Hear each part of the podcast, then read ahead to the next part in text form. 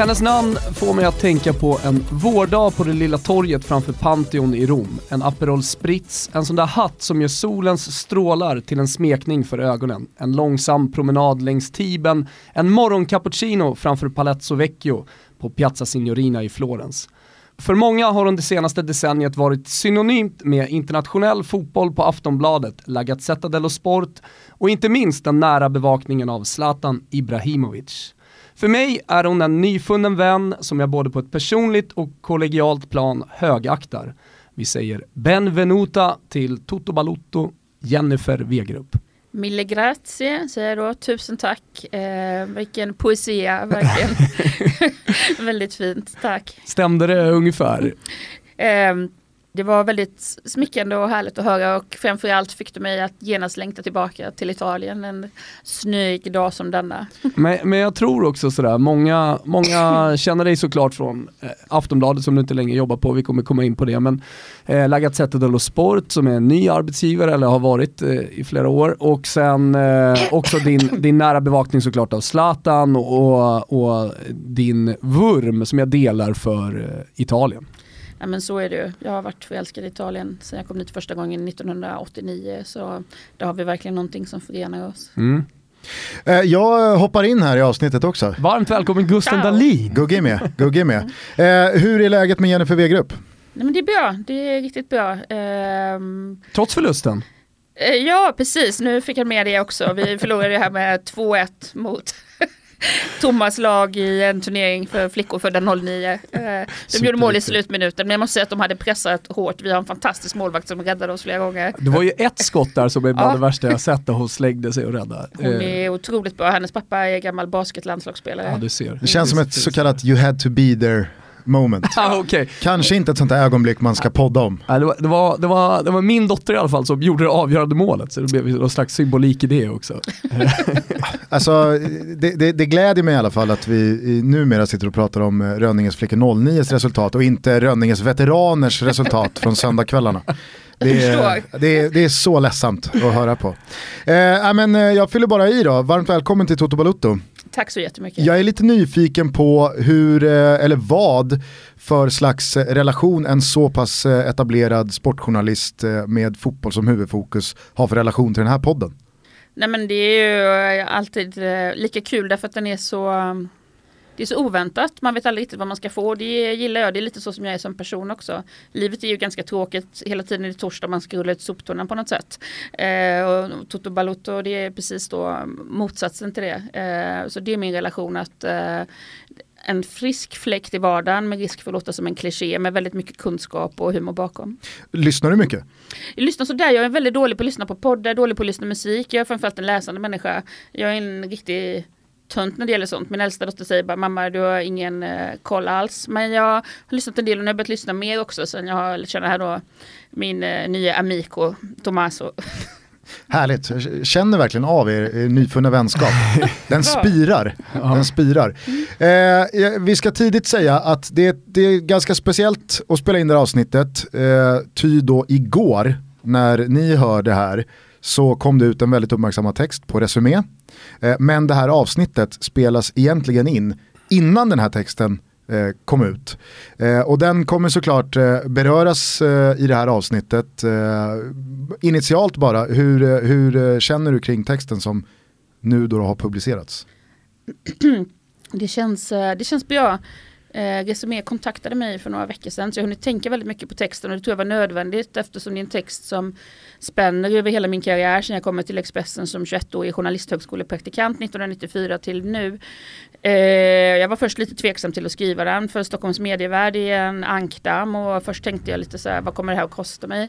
Men sen kände jag att jag har ett stort ansvar att skriva den här texten att eh, den är viktig ett ansvar för mig, min dotter, eh, alla kvinnor men även alla bra män. Eh, som tar metoo-kampanjen vidare och lyfter den till ett större perspektiv. Rent personligt har det också varit en lättnad att få eh, berätta om saker som jag tigit om i två år som har fått mig att må väldigt, väldigt dåligt. Eh, vi säger väl direkt då till alla som ännu inte har läst texten att eh, gör det. Eh, den är nog ganska lätt att hitta via sociala medier men kanske framförallt resumé.se. Men vad är, vad är själva essensen i den? Um, det är en text som uh, jag, har då, jag är kvinna, jag har jobbat eh, snart ett kvartssekel, gud det låter ju fruktansvärt men så är det ju. eh, 24 år på landets största redaktioner, jag har även jobbat mycket utomlands i London, Paris, Milano, Rom och så vidare.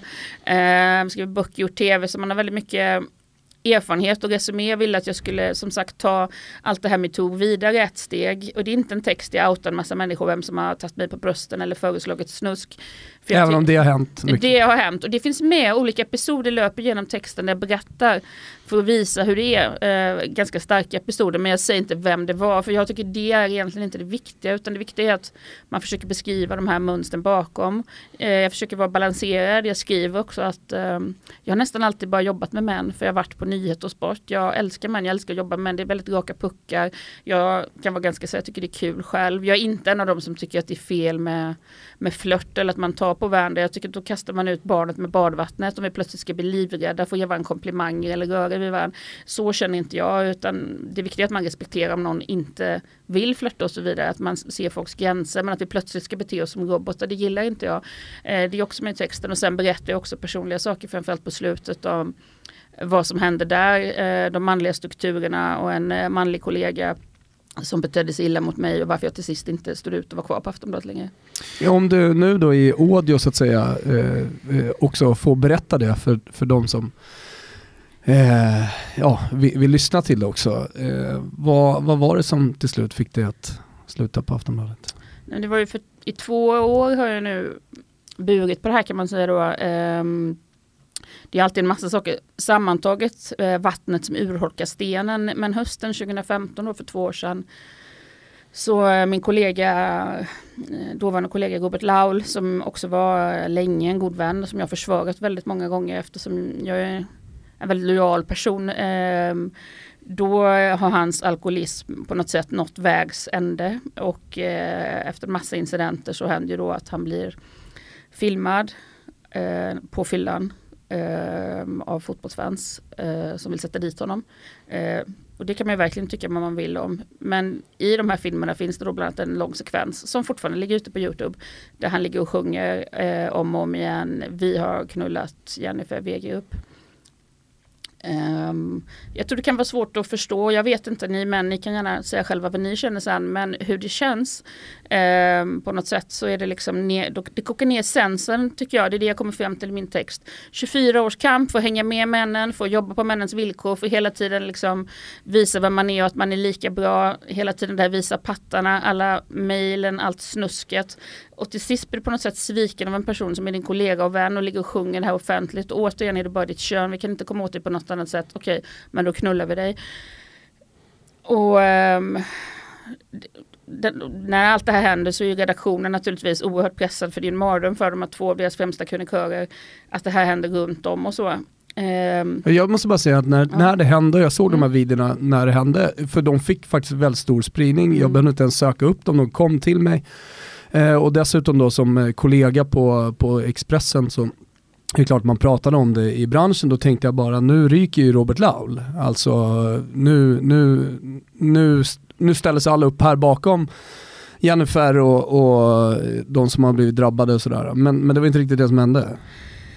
Det var inte det som hände eh, och det, det som man sa var ju hela tiden, han är, en, eh, han är alkoholist och man måste förstå Och Eh, jag är glad att han fick en bra behandling för sin alkoholism. Jag är glad att han är nykter idag. Han har ju själv talat ut väldigt mycket om det också och varit med i allt från Resumé till Göteborgs-Posten och stor intervjuer och har jag förstått planerat att skriva en bok om det och det är väl det är väl jättebra om han är nykter men det, det, det som händer är ju på något sätt att jag och alla andra som har drabbats kommer helt bort i det här. Eh, Aftonbladets HR-chef Magnus Ringman ber ju mig ett år senare ungefär innan jag slutar om ursäkt och säger att man har inte hanterat det tillräckligt bra. Eh, väldigt mycket precis när det här händer, det handlar ju också om att man eh, vill tysta ner det, att det inte ska få mer spridning också för att de här fotbollsfansen inte ska få det de vill. Eh, det är inte så att någon beordrar mig att vara tyst, för det skulle de aldrig göra.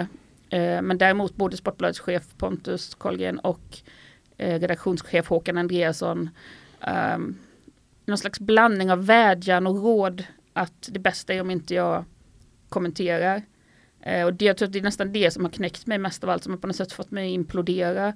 Och Robert har sen då när han mått bättre kunnat sitta och ge sin version om och om igen.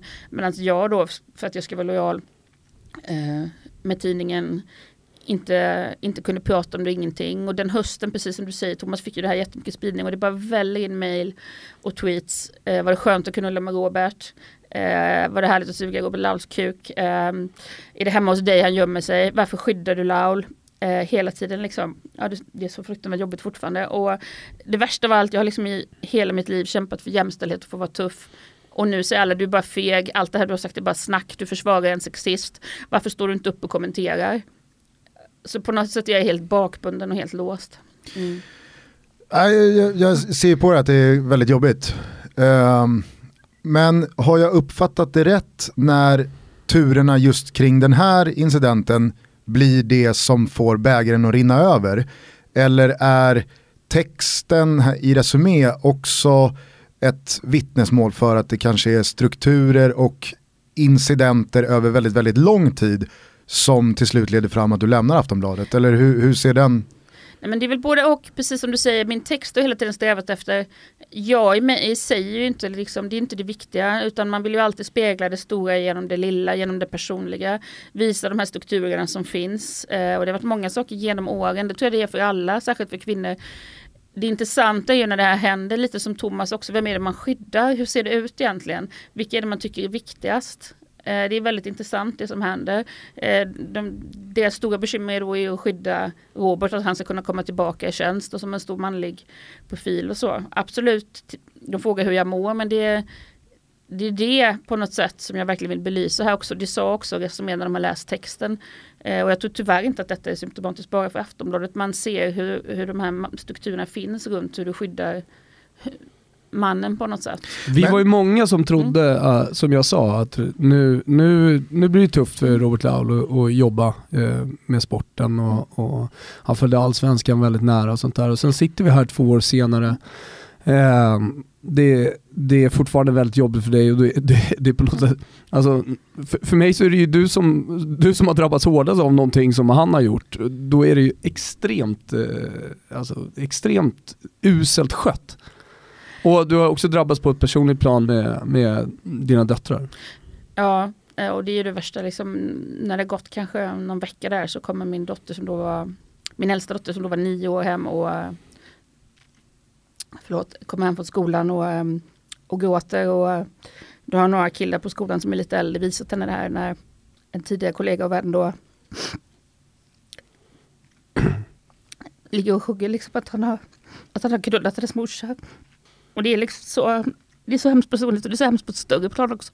Att hon i nio år ska liksom behöva mm. möta det värsta, liksom, en mansvärld på något sätt. Att det är liksom det här kvinnoföraktet, det är nio år gammalt ska hon behöva se att det är så det funkar liksom.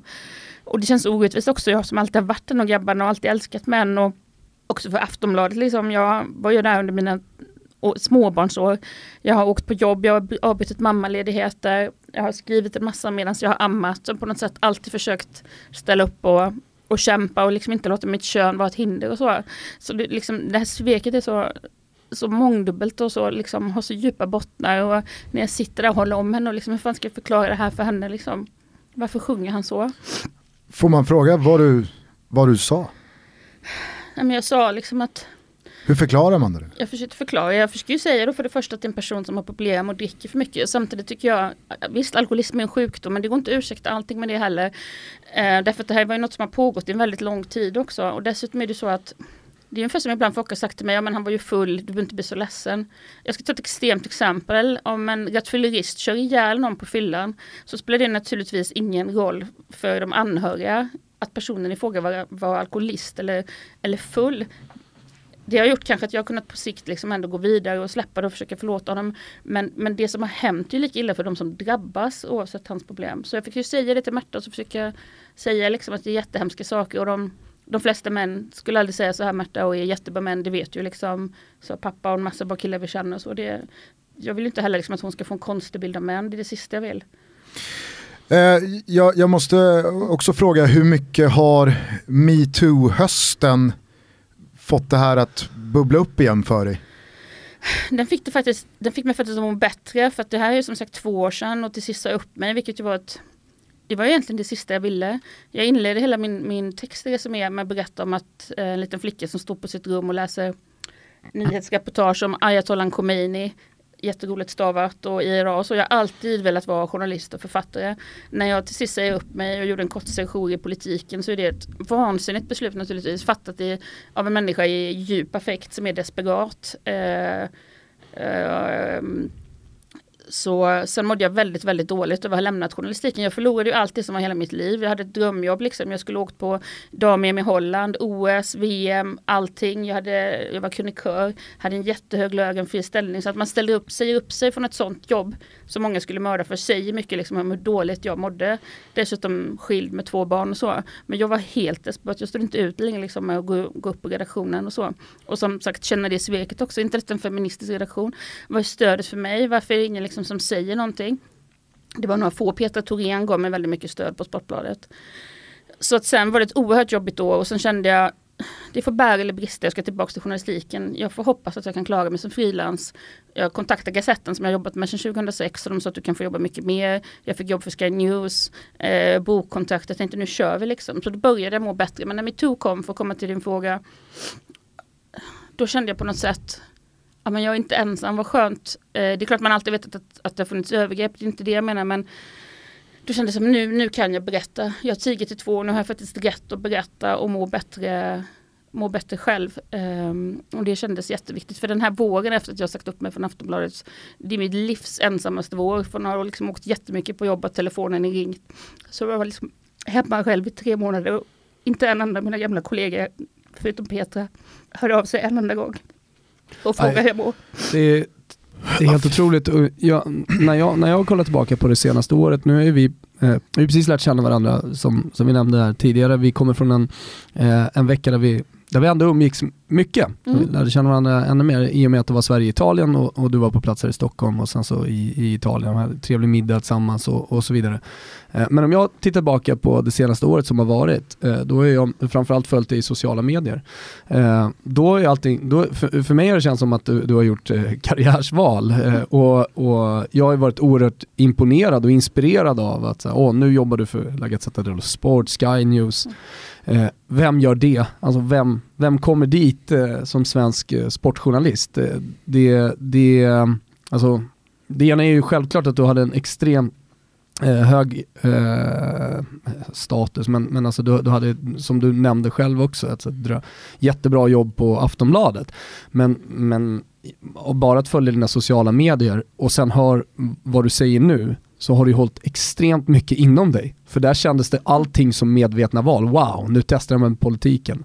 Och titta här, nu kör jag, nu kör jag Sky News och La Gazzetta dello Sport. Eh, vilket är eh, jätteballt, mm. men, men eh, att, att ha hållit allt det här inom dig, det, ja, det är otroligt. Och att du inte har fått något stöd också. Nej men, och jag har ju varit...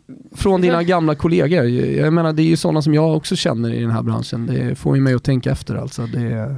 Ja, men Petra Thorén vill jag understryka har varit väldigt fin och hon, hon satt och grät med mig när jag berättade här om min dotter bland annat. För Petra är själv mamma och kvinna och tror hon förstod hur fruktansvärt kränkt och ledsen jag kände mig. Och hon kände också till mycket av det som har föregått det. Och sen visst när jag var på Aftonbladet och erbjöd psykologhjälp och sådär. Men det har varit och även nu under våren som sagt att, att ingen hör av sig. att många tyckte att det var väldigt jobbigt eftersom Robert också är en kollega och vän. Men jag har ju egentligen aldrig någonsin begärt att någon skulle ta ställning mot honom, bara för mig och fördöma handlingen. De inte fördöma honom, bara det han har gjort.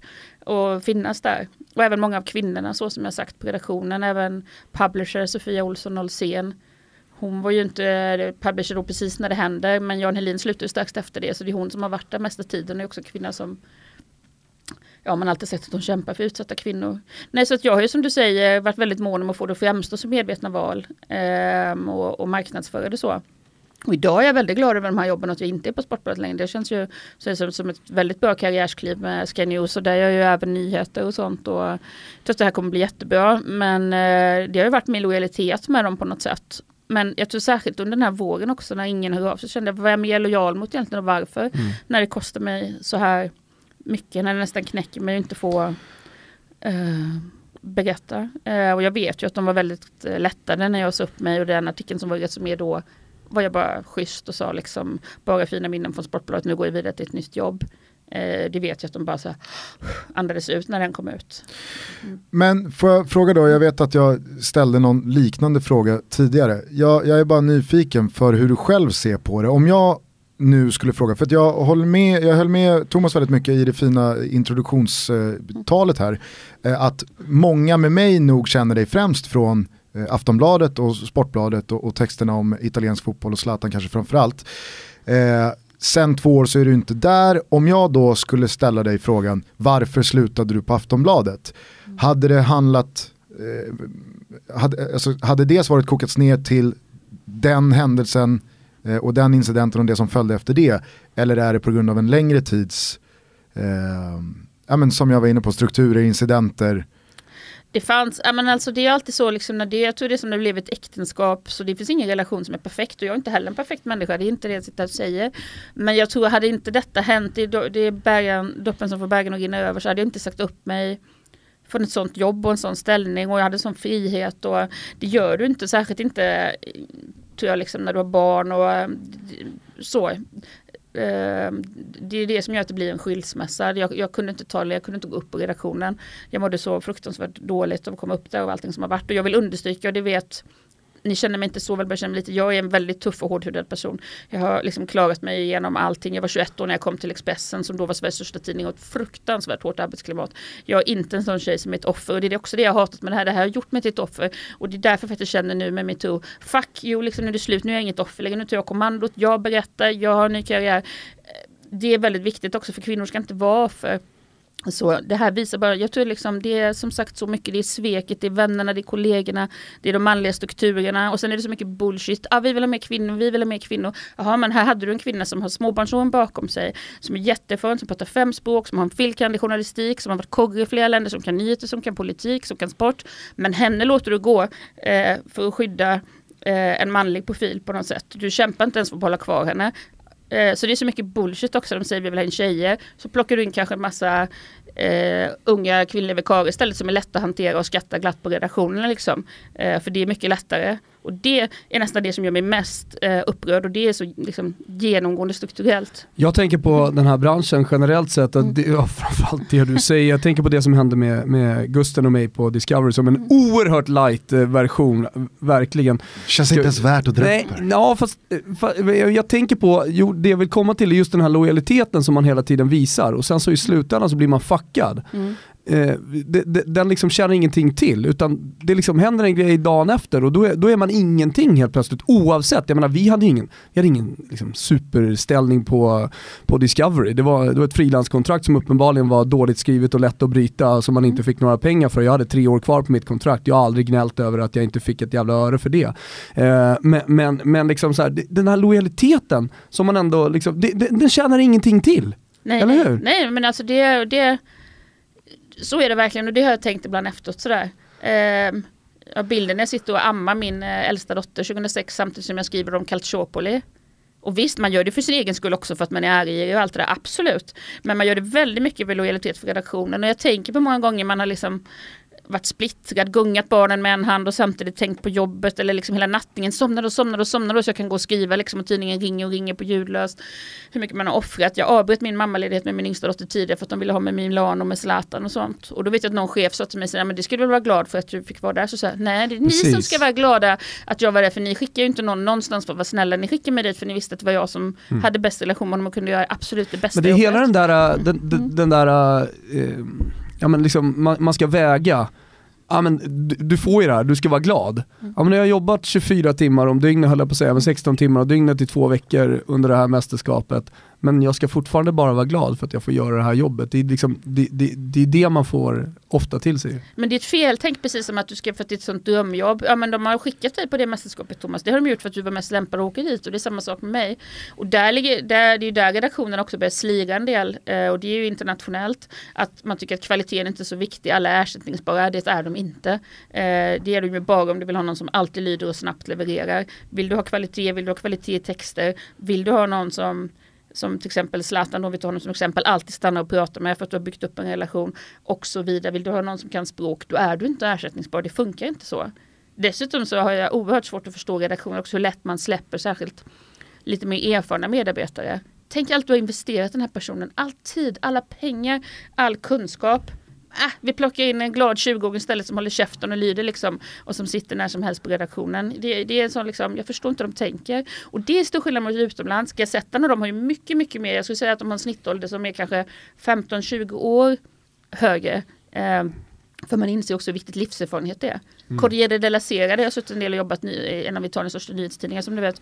Så vi, tar, liksom anställer helst inte någon under 25 kan få jobba lite med för att de mm. är, de är för livsoförfarna. Inget ont om unga människor, det handlar inte om det. Men ni förstår vad jag menar. Mm.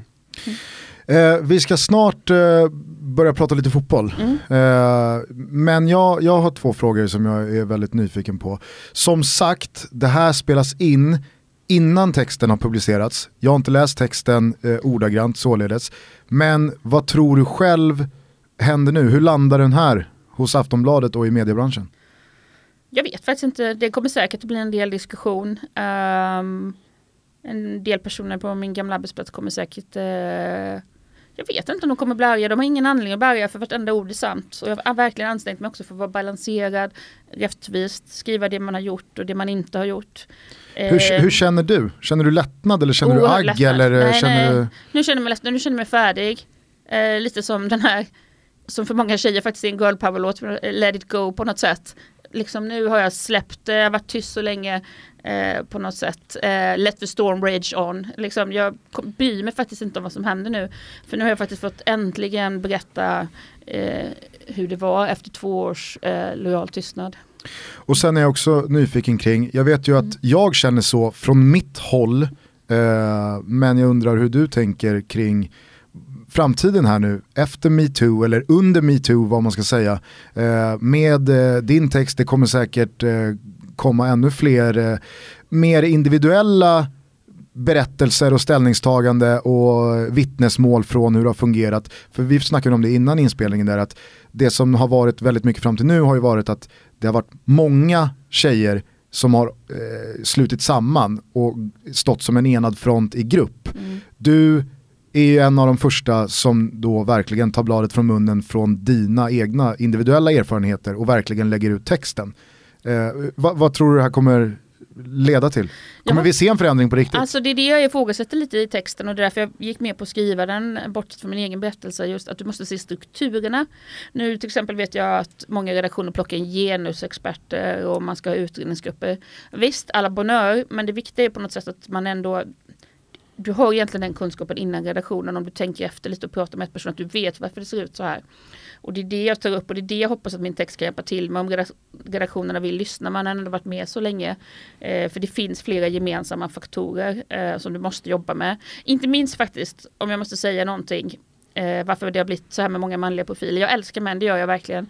Men det är mäns jävla geniförklarande av varandra och att det tillåts. På en redaktion ska du inte beundra en annan person. Jag har stor respekt för många kollegor men det är helt förödande när chefer och andra medarbetare är så här, åh, här har vi den och den liksom. Kan ibland se unga, unga manliga kollegor komma in och ta selfies med krönikörer. Hur fan kan du göra, ursäkta, men hur kan du göra det som journalist? Hur kan du komma in och inleda ett arbete med att visa att du liksom har personer på redaktionen som idoler? Och då chefer som du märker att den här personen kan jag nästan inte säga till för den är så stor och så viktig. Och jag har ofta, ofta genom åren hört männen säga det, han är fan ett geni den grabben. Jag har aldrig hört dem säga det om en tjej, de kan säga hon är duktig, hon är bra. Men det här, nej han är inget geni, han är en duktig skribent men han är inget geni. Och har du genier, eh, det, det ser vi med alla de profiler som nu kommer fram, då får de alldeles för stort svängrum och det är alldeles för få som vågar säga till dem. Och det finns en väldigt stor tolerans för det här manliga geniet och som också då dessutom får vara lite excentrisk. Mm. Ha, ha, ha. Han ringde in till redaktionen och var lite packad och lite arg. Åh vad mm. roligt. Eller han bloggade om att han gick på toa. Det skulle du aldrig kunna göra som kvinna. Då skulle folk tycka att du är helt koko och mm. att du har problem. Mm. mm. Ja men det tror jag vi, alltså, vi får ju ofta det till oss från mm. våra lyssnare, att vi, ja, men just det där, ja, men ni genier och, mm. och vad roliga ni är och, och mm. alltihopa. Men just den tonen som vi har i våran podd och den jargongen, eller låt oss säga då personkemin som jag och Gusten har, tror jag hade varit väldigt svårt eh, mellan två stycken kvinnliga kollegor. Ja, och jag kan tycka att det är okej att jag lyssnar tycker ni är genier. Men jag tycker mm. inte det är okej när kollegor, eh, andra journalister tycker att andra är Det är jätteroligt när det finns folk som, som beundrar jag så. Men på en arbetsplats, på en redaktion kan du inte gå runt och tycka att någon är ett geni. Särskilt inte som överordnad mot en underordnad. Så att du inte vågar ta tag i den personens problem. Ja, det är bra, Svanemar här på, som vi sitter med på redaktion, han, han, han är mest sur på oss. Jag trodde du skulle säga han måste sluta tycka att vi är sådana genier. För hans eget bästa. Nej men alltså, jag har alltid haft problem med eh, folk i den här branschen som drar upp luren och kör selfies med de aktiva som man är där för att intervjua eller bevaka eller skriva om. Det har jag aldrig gjort, bortsett en gång med Per Frick, eh, anfallaren i Elfsborg. För det är liksom så här, ja men det har blivit en grej att det, det är min gubbe. Eh, så att han tog, jag, han tog jag en bild med. Men menar du alltså att det är journalister som tar selfies med andra journalister? Japp, det, nu ska jag inte nämna några namn men det finns absolut. Ehm, och just den här enorma respekten för vissa. Eh, och som sagt respekt, okej det har jag också för kollegor men, men det här när man märker att de vågar inte riktigt ta i det därför att det är, det är en stor profil och eh, det finns en stor beundran. Och det är inte alltid en lätt roll att hantera som chef tror jag heller med, med journalister. Det är också något man måste komma till rätta med för det är en person som är ett stort namn som är van att ifrågasätta auktoriteter i sin yrkesroll och som är väldigt van att argumentera. Det har någon chef sagt till mig också en gång. Det är hopplöst att säga till dig för att du är liksom så duktig på att argumentera tillbaka. Men det är ett problem för redaktionerna. I alla fall när du, när du kommer just dåliga olämpliga beteenden. Att de ursäktar det på något sätt med att du är den här lite excentriska begåvade mannen. Eh, och det tror jag är väldigt stor förklaring till det du ser runt metoo. Mm. Det vet vi inte minst i tv-branschen. Många av dem som varit även bakåt, de här gubbsen som har varit jättestora namn. Att det var riktigt svin privat. Och det har man bara sett med de fingrarna med. Eh, Oerhört starkt eh, i alla fall och eh, fan Jennifer, du, du har hela Toto Balotto bakom dig. Tack, det Ehm, betyder mycket. Ja, Känns även som att eh, vi, vi, vi ställer oss bakom Petra Thorén här också. Ja, Alltså som har, som har stöttat dig. hon, har, hon har varit jättefin och eh, verkligen hon har förstått vad jag har, har känt. Mm. Så. och jag hoppas övriga lyssnar på den här podden och har läst eh, din text också. Jag snackade precis med eh, Topdog eh, Mhm. Olof eh, borta i Sätra. Vad säger han? Ah, Han har ju så... Han, har, har han sår- hämtat sig eller? Han har såriga händer, han står ju och packar för fulla muggar. Ja. Snittar två och en halv timme sömn per natt. Han står bara och packar och packar och packar och packar. Ja, men har man varit tokig, har man varit knäpp i skallen, då får man skylla sig själv. Mm. Och värre kommer det ju bli va? Jaha. För att han har ju fått en riktigt knasig idé här nu. Jaha. Han har öppnat upp eh, för en vinnare till, till Hamburgresan. Som vi ska göra Oh, tillsammans med Grand. Frank i vår. När vi ska träffa Albin, gå på fotboll, gå på reeperbahn, göra massa roliga saker va? Vi ska se Die Roten Hosen. Framförallt. Ja. Ja. Nej men exakt, Eh, han har frigjort eh, en plats till för en vinnare som givetvis får ta med sig en kompis. Mhm. Och det här kommer vi tillsammans med eh, Top Dog och Grand Frank baka in i ett riktigt superduper erbjudande nästa vecka. När våra nya tröjor också har kommit. Ah, så ah, okej, jag fattar vart eh, åt eh, det här erbjudandet barkar. Det är, det är någon slags eh, två, tre stegs raket här med, med rabatt, eh, toto, merch och eh, chans att vinna resa. Precis, det är liksom Christian Olsson och Jonathan Edwards i samma trestegshopp. Ah, okej. Så att eh, var med här nu när det smäller nästa vecka. Det kommer alltså nya Toto-tröjor och så bakar vi in det i ett erbjudande där man alltså har chans att vinna den sista platsen till Hamburg. Alltså det, det här är då en påminnelse att vara lite på tå nästa vecka. Precis, så kanske också en liten uppmaning till folk att gå in på grandfrank.com och Börja eh, välj. reka lite. Ja. Vad vill man eh, lägga vantarna på? Snyggt. Tack Grand Frank. Och topptog. Vi är denna vecka sponsrade av Ment och då undrar ni vad Ment är för någonting. Ja det är faktiskt en sjukt smart grej Gusten. Oavsett om man är ute och söker jobb eller om man faktiskt har ett jobb och är, är ganska nöjd eller halvnöjd Oavsett var man befinner sig i karriärstegen så att säga, så ska man gå in på ment.career och skapa sig en profil där. För det är ju så, eh, på Ment skapar man en anonym profil. Och så kan man då bli matchad med arbetsgivare som går in på Ment och, och söker eh, folk. Li- Lite som Tinder tänker jag att det här är. Oj. Fast i, ja, men fast i karriärsvängen liksom. Ja. Du skapar din profil och sen så kommer eh, arbetsgivare och så kikar de och så, så hittar de dig. Och det är helt anonymt så även om du då eh, jobbar på ICA eh, s- och är lite sugen på Coop-affären eh, next door eh, så, så, så behöver inte ICA se att din profil ligger ute. Och det, det tycker jag är jäkligt smart för eh, ja, man vill inte vara otrogen så att säga. Om man fortsätter med Tinder-referensen där. Mm, dessutom så kan man ju ha ganska höga krav. Man kan ju vara ganska kräsen. Att man eh, fyller i sin profil då att eh, det är bara de här eh, nivåerna jag är intresserad av vad gäller location, eh, löneanspråk, arbetsuppgifter och så vidare. och så vidare.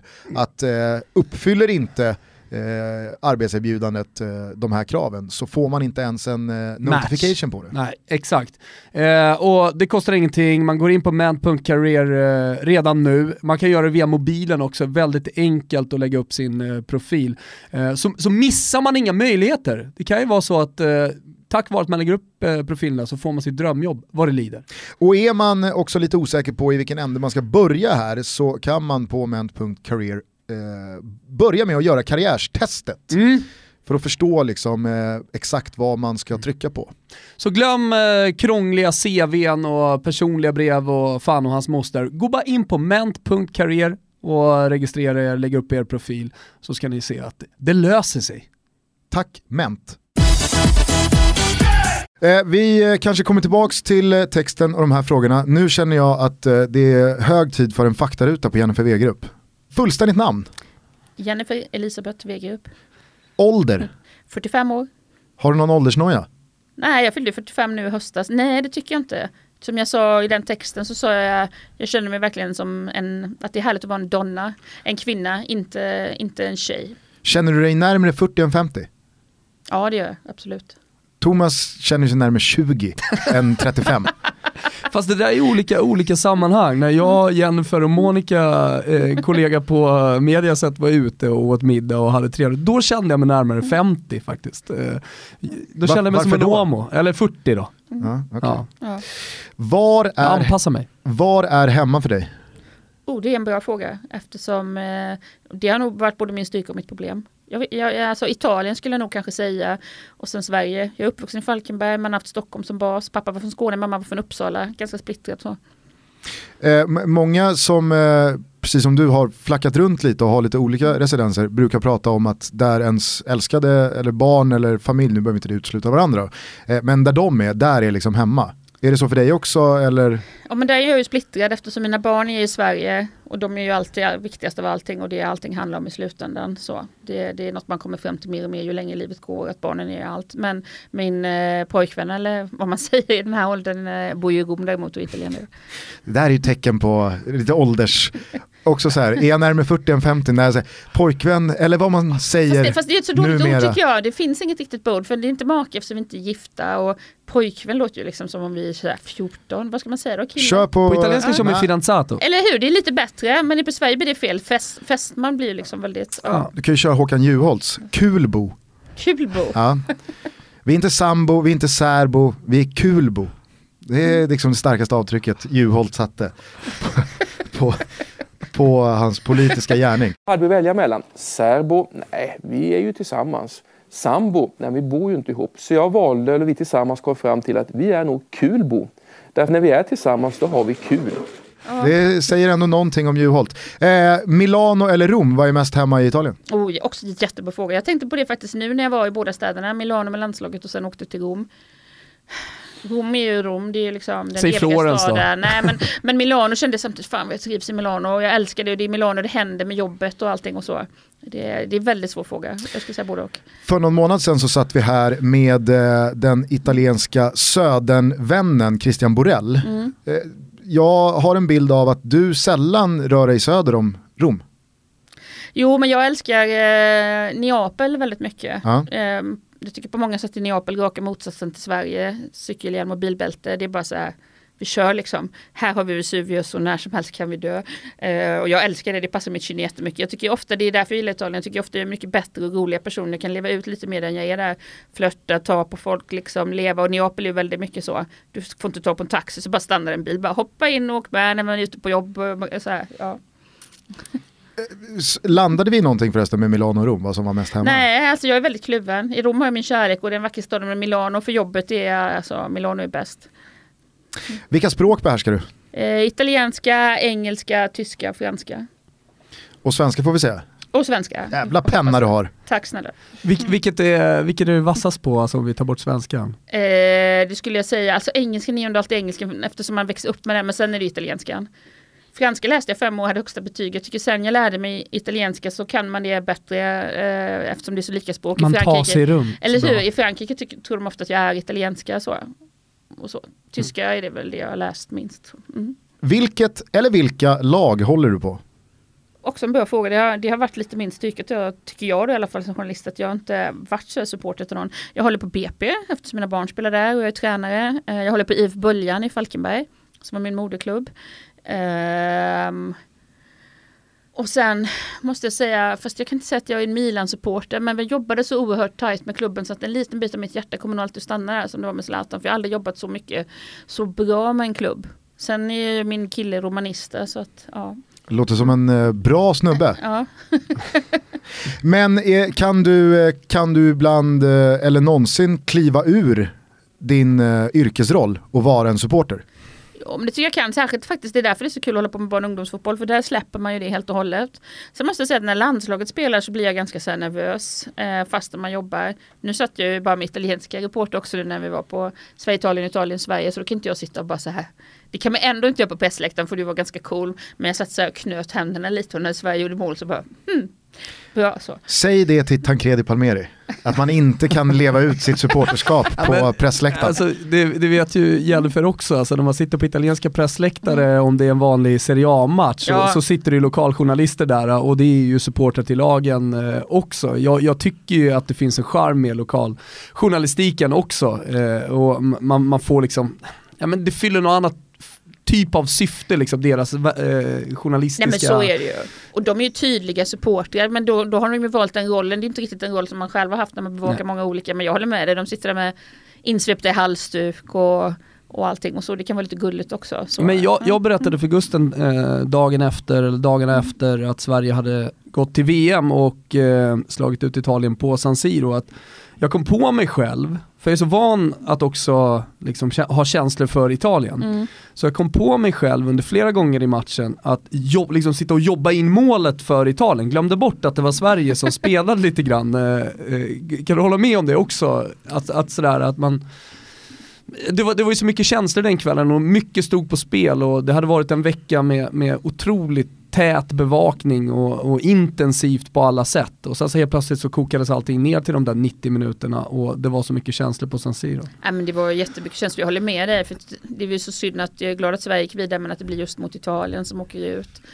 Ehm, så jag håller med det känns jobbigt och ja, som sagt min kille sa efter att vi behöver inte prata om fotboll nu när du kommer ner till Rom och eh, sen är det ju så mycket annat på spel. Jag käkade lunch den dagen innan match med många av fotbollscheferna på Gazettan, Luigi Garlando och Andreas Gianchi och många andra och när man hör dem prata om också mycket pengar liksom som de förlorar på VM-annonser och sånt. Eh, eftersom alla har ju räknat med att Italien skulle gå dit. Så det är ju även sådana konsekvenser i ens arbete och för kollegor och vänner. Ja, så Ventura lovade ju. Eller hur? Han lovade ju att de skulle gå dit. Så att det, jag det är vet. klart man budgeterar för. I ett vidskepligt Italien så lovade Så Ventura. lovade Ventura det. Och sen ringer han dessutom upp Tavecchio. Och jag kan ju säga att där har man ju hört ett och annat från kollegorna vad de tyckte om det. Och det är ju så otroligt korkat rent taktiskt när han ringer upp, alltså när Tavecchio ringer upp Infantino. Och, och säger, Eh, nej men italienska förbund, förbundspresidenten Tavecchio ringer upp Fifa, för, eh, Infantino och klagar på domaren eh, Efter första matchen. efter första matchen och säger att han förutsätter att det blir bra domare i andra matchen och med det omöjliggör han ju att domaren någonsin skulle kunna favorisera Italien. Så att det är ett sånt oerhört taktiskt misstag. man undrar om det var därför Laus heter han va, spanska domaren som dömde returen. Ifall han då bara hade bestämt sig att vad fan som än sker i straffområdet ikväll det så, blir, så blir det inga straffar. Eller hur? Ja man undrar ju. Ja. Ja. Eh, nej men, eh, Thomas eh, har ju varit väldigt bra på att förmedla eh, själva kärnan från efterspelet och känslan i att Italien missar VM. Vi har haft med Tancredi Palmeri eh, i, i podden, framförallt då innan det här dubbelmötet. Men vad skulle du säga med alla dina band till Italien är, ja men låt oss kalla det då, kärnan i att man missar VM? Ja, men det är liksom en nationalsorg och en identitetskris. Det har inte hänt på 60 år, bortsett från alla de pengar de förlorar. Detta i Italien som ju redan är oerhört hårt pressat sedan många år. En väldigt svår ekonomisk kris. Massa små företagare som tar livet av sig på riktigt. Så eh, Folk jag känner, eh, väldigt många vänner och deras företag är, har tappat eh, 60 procent av sin omsättning bara för att förstå Italien. Det är tufft alltså i Italien nu och har varit det de senaste åren. Även om de har den här förmågan att njuta av spagettin och solen och ta livet som det kommer så på ett djupare plan. Och att då dessutom missa fotbolls-VM i ett land där fotbollen nästan är religion. Eh, jag tror det kan vara svårt att förstå eh, vad det gör med dem så. Det var väldigt, väldigt jobbiga dagar för dem. Du säger dagar nu, men hur länge sitter det här i? Nej men för alltid på något sätt. Jag, jag säger som min pappa sa ibland, eh, den där förlusten 1962 eller vad det nu kan ha varit, har jag fortfarande inte kommit över. Det här är ju något som de det kommer alltid vara ett såg i deras hjärtan på något sätt. Sen kan man ju prata om nystart och börja om och det behövde, deras, det behövde den italienska fotbollen men att inte vara med i VM och jag tror sen nu när sommaren kommer så det kommer bli väldigt, väldigt jobbigt för Italien. Det är många som pratar om att nu, min son och mina, mina döttrar och mina barnbarn kommer inte att få vara med om ett VM. Alltså det, det, det, är, det är lång tid till nästa VM. Eh, och man minns då tillbaka till sin egen barndom och beskriver mm. hur mycket mästerskap har betytt för dem oavsett hur, hur det har gått sådär. Det, det tycker jag sätter också lite perspektiv på det. Nej men så är det. Men jag tror att detta också varit ett av problemen varför de åker ut mot Sverige. Eh, Luigi på Gazetta, en av fotbollscheferna, berömde faktiskt mig så att vi har legat mest rätt på våra texter kring Sverige därför att du har skrivit för oss. För att från väldigt många andra italienska journalister har det funnits underskattning. Zlatan är inte med, man är inte tillräckligt insatt. Jag har hela tiden lite sagt och skrivit se upp alltså. För det är klart att Sverige underlägset kvalitetsmässigt men med den här förbundskaptenen och att du måste också ta din motståndare på allvar på så sätt att Sverige har ju varit utanför VM nu ända sedan 2006. Det är inte så att svenskar inte heller har känslor och bryr sig. Eh, underskatta som sagt aldrig, aldrig vem du har att göra med och det har funnits en underskattning även ur det här mänskliga perspektivet. Alltså, de här killarna också skulle dö ute på planen för att mm. gå till VM. Eh, jag tyckte det var starkt, vi var under Friends Arena, det var väl 45 minuter kvar, rapporterade bland fansen tillsammans med Tancredi. Och så gick vi ut därifrån, det var otrolig stämning, alla sjöng tillsammans och ja men verkligen sådär festade. Då sa han, fan jag tänker tillbaka på era kval, jag tänker tillbaka på hur ni förlorade mot eh, Portugal trots att Ibrahimovic gjorde mål. Helvete, ni förtjänar ju det här! Nu slår det mig. Ni har haft, eh, sviga, det, det sån jäkla otur. Mm. Ni förtjänar ju det här. Jag tänkte bara, att, vadå Sverige ska ju inte gå till VM med det. Men jag inser nu, alltså med de här fansen, med den här oturen ni har haft, ni går fan till VM. Det är er tur nu. Det är vår tur att ha otur. Ja men han förstod det, det, var, ja. det är ju så, någon gång svänger pendeln. Ja. Faktiskt. Eh, nu tror jag att Tanks inställning är lite eh, av en anomali.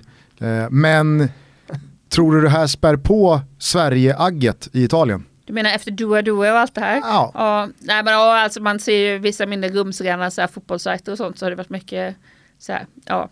Har pikarna mot dig ökat sen eh, San Siro? Ja, fast kanske inte mot mig så mycket för att man är så goda vänner och det finns en sådan ömsesidig respekt och så. Men eh, jag märkte vissa sådär, vissa barhäng och sånt märkte jag att okej vi byter ämne så. Ja. Det finns en väldig ilska också om man tycker att man inte förtjänar det spelmässigt. Men då sa jag å andra sidan, det är inte som att Italien aldrig har gjort mål och sen spelat på resultat i 88 minuter. Så att det är lite så, genom sig själv känner man andra. Men det här Doa-Doa, liksom 2-2 i Portugal, det kommer de aldrig komma över. Och jag var där och jobbade när det hände. Jag vet inte hur mycket tid ni har men det kommer jag aldrig glömma. Liksom. Var du på Italien-Bulgarien eller var du på Sverige-Danmark? Jag var på Italien-Bulgarien. Ja. Och jag var på Sverige-Danmark. Du var på Sverige-Danmark. Ja. Det var ju helt otroliga slutminuter alltså. Och ja. sen så när man ser bilderna, det är väl Casanova som gör, eh, som gör mål för som Italien. Mål för ja. Italien. Eh, och så firar han och så ser han på bänken att det spelar ingen roll. Nej, så blir helt galen. Och så bara förändras hans ansikte från natt till dag. Och det är ju det ansiktet som också kan förändras eh, snabbt och från då glädje till sorg. Han sorry. visar ju mycket, mycket känslor genom sitt ansiktsuttryck. Men då var det mer hat och ja, ilska det. eller? Ja men alltså så här var det ju allt börjar direkt då efter den 1 matchen när Zlatan gör sitt mål, klackmål, Italien-Sverige. Så börjar mina italienska kollegor direkt, för de är sådana liksom, jag älskar Italien men de är ju otroligt konspiratoriska och det det som är fascinerande med Italien att ingenting är vad det ser ut utan det är alltså, du kan ta bort en mask så finns det en mask till bakom. Eh, då börjar de prata om det här med att bara det inte blir 2-2 i sista matchen och då fattar jag att detta är grejen som vi ska skriva redan till imorgon i Sportbladet. Eh, för nu vet vi redan hur det gick och mina chefer där hemma är så här, äh, men alltså det här kommer nog inte bli någon grej. Jag bara, lyssna på mig nu, det här kommer bli den stora, stora grejen, nu ska vi ha det här först. Jag minns, så, ja. jag minns er etta Eh, 2-2 så var det en svenskmålad tvåa och en danskmålad tvåa. Det stämmer med Öresundsbron emellan. Exakt. Men det var när det redan... Så en jävla rub it in alltså. den var skitbra. Och den, men den var ju när vi redan, när Sverige redan, när det redan hade blivit 2-2. Men jag minns som sagt redan efter Italien-matchen började vi skriva om det och sen pratades det inte om någonting annat hela vägen fram. Och jag tror på något sätt så skapar italienarna det här själva i folks huvuden eftersom de tjatar så mycket om det. Och I alla fall bara för att avsluta, när jag sitter där då i den matchen Italien-Bulgarien då har jag Mikael Wagner på Sportbladet i, uh, i mobilen och plötsligt bara skriker han så här liksom bara 2-2, det är 2-2. Och jag bara så här, det, det, många av kollegorna visste inte om det då, jag bara 2-2, de blir helt galna. Du vet en gammal äldre italiensk kollega kallar mig för nordiskt svin.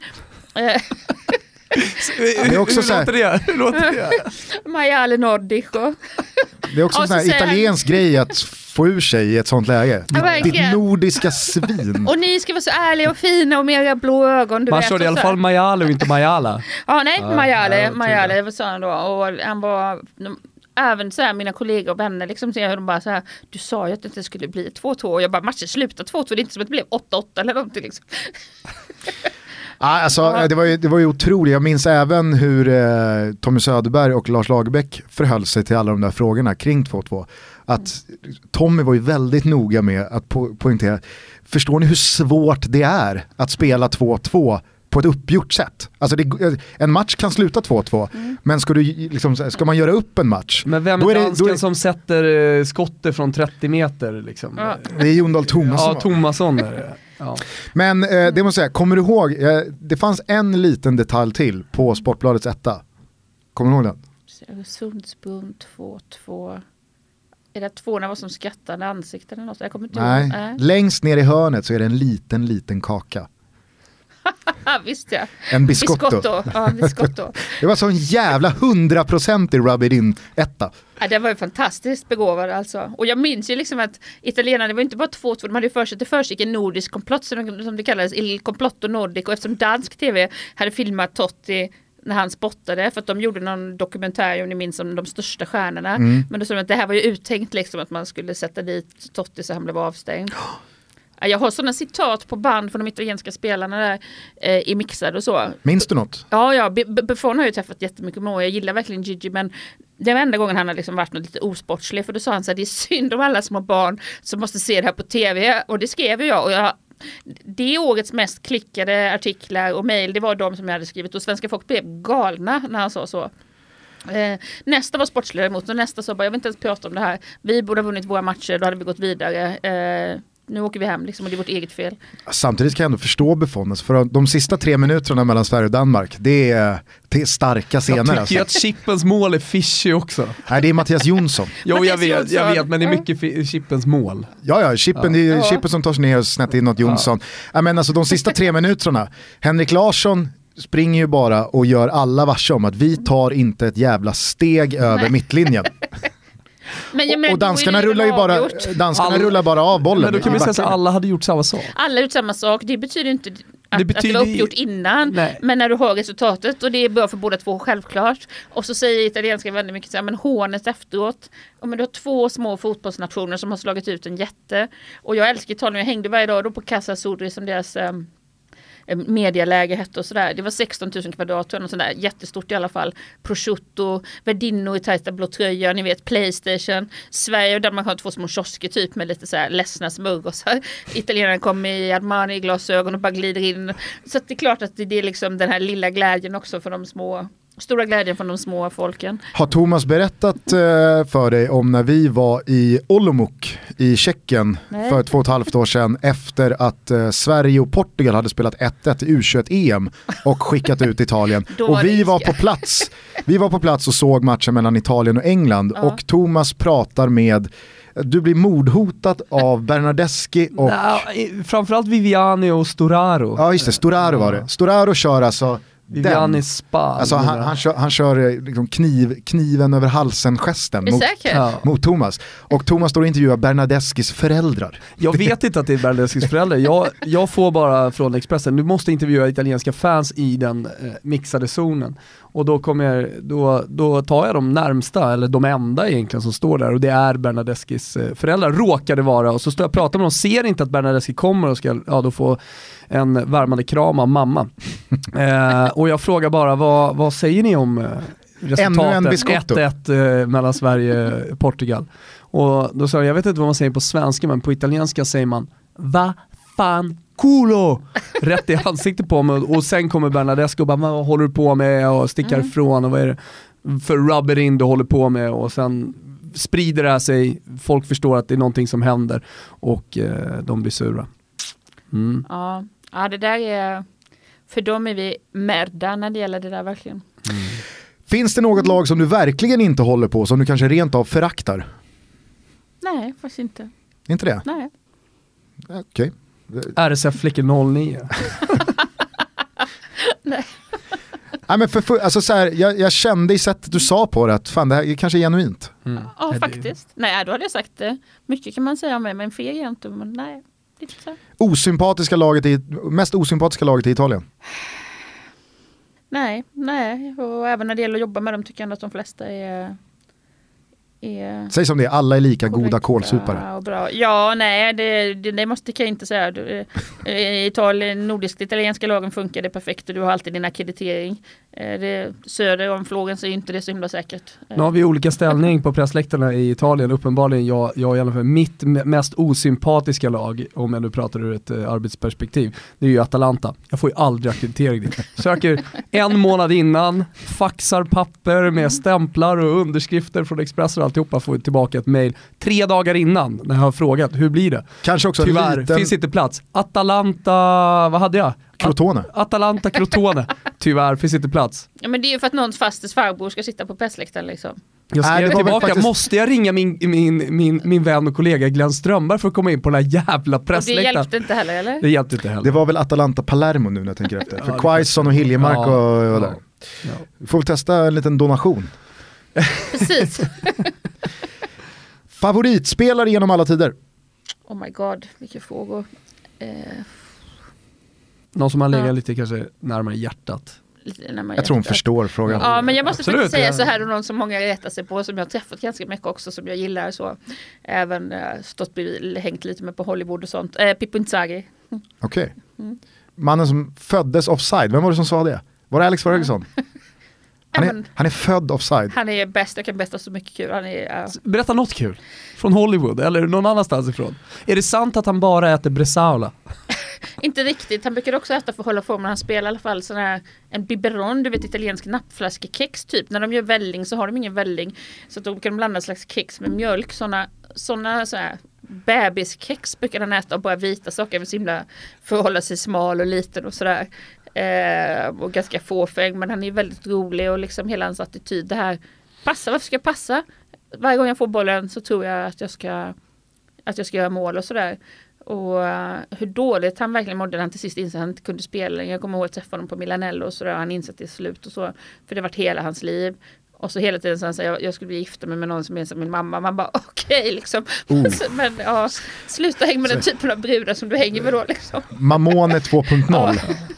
Äh, men, ja. äh, vi ska bara for the record, uh, Toto Blues är en inkluderande podd va? Hollywood i de här sammanhangen, det är uh, Milanos hetaste ställe, uteställe. Mm, det är en sån här klassisk nattklubb. Mm. Det och, och så en som heter Just Cavalli också. Får jag bara... där svenskarna firade. Precis. På Just Cavalli tillsammans med Jennifer Wegerup. Ja, jag var, jag var där men... Uh... Ryktet gick att Martin Åslund var rejält plakat på Just Cavalli, det var inget du såg?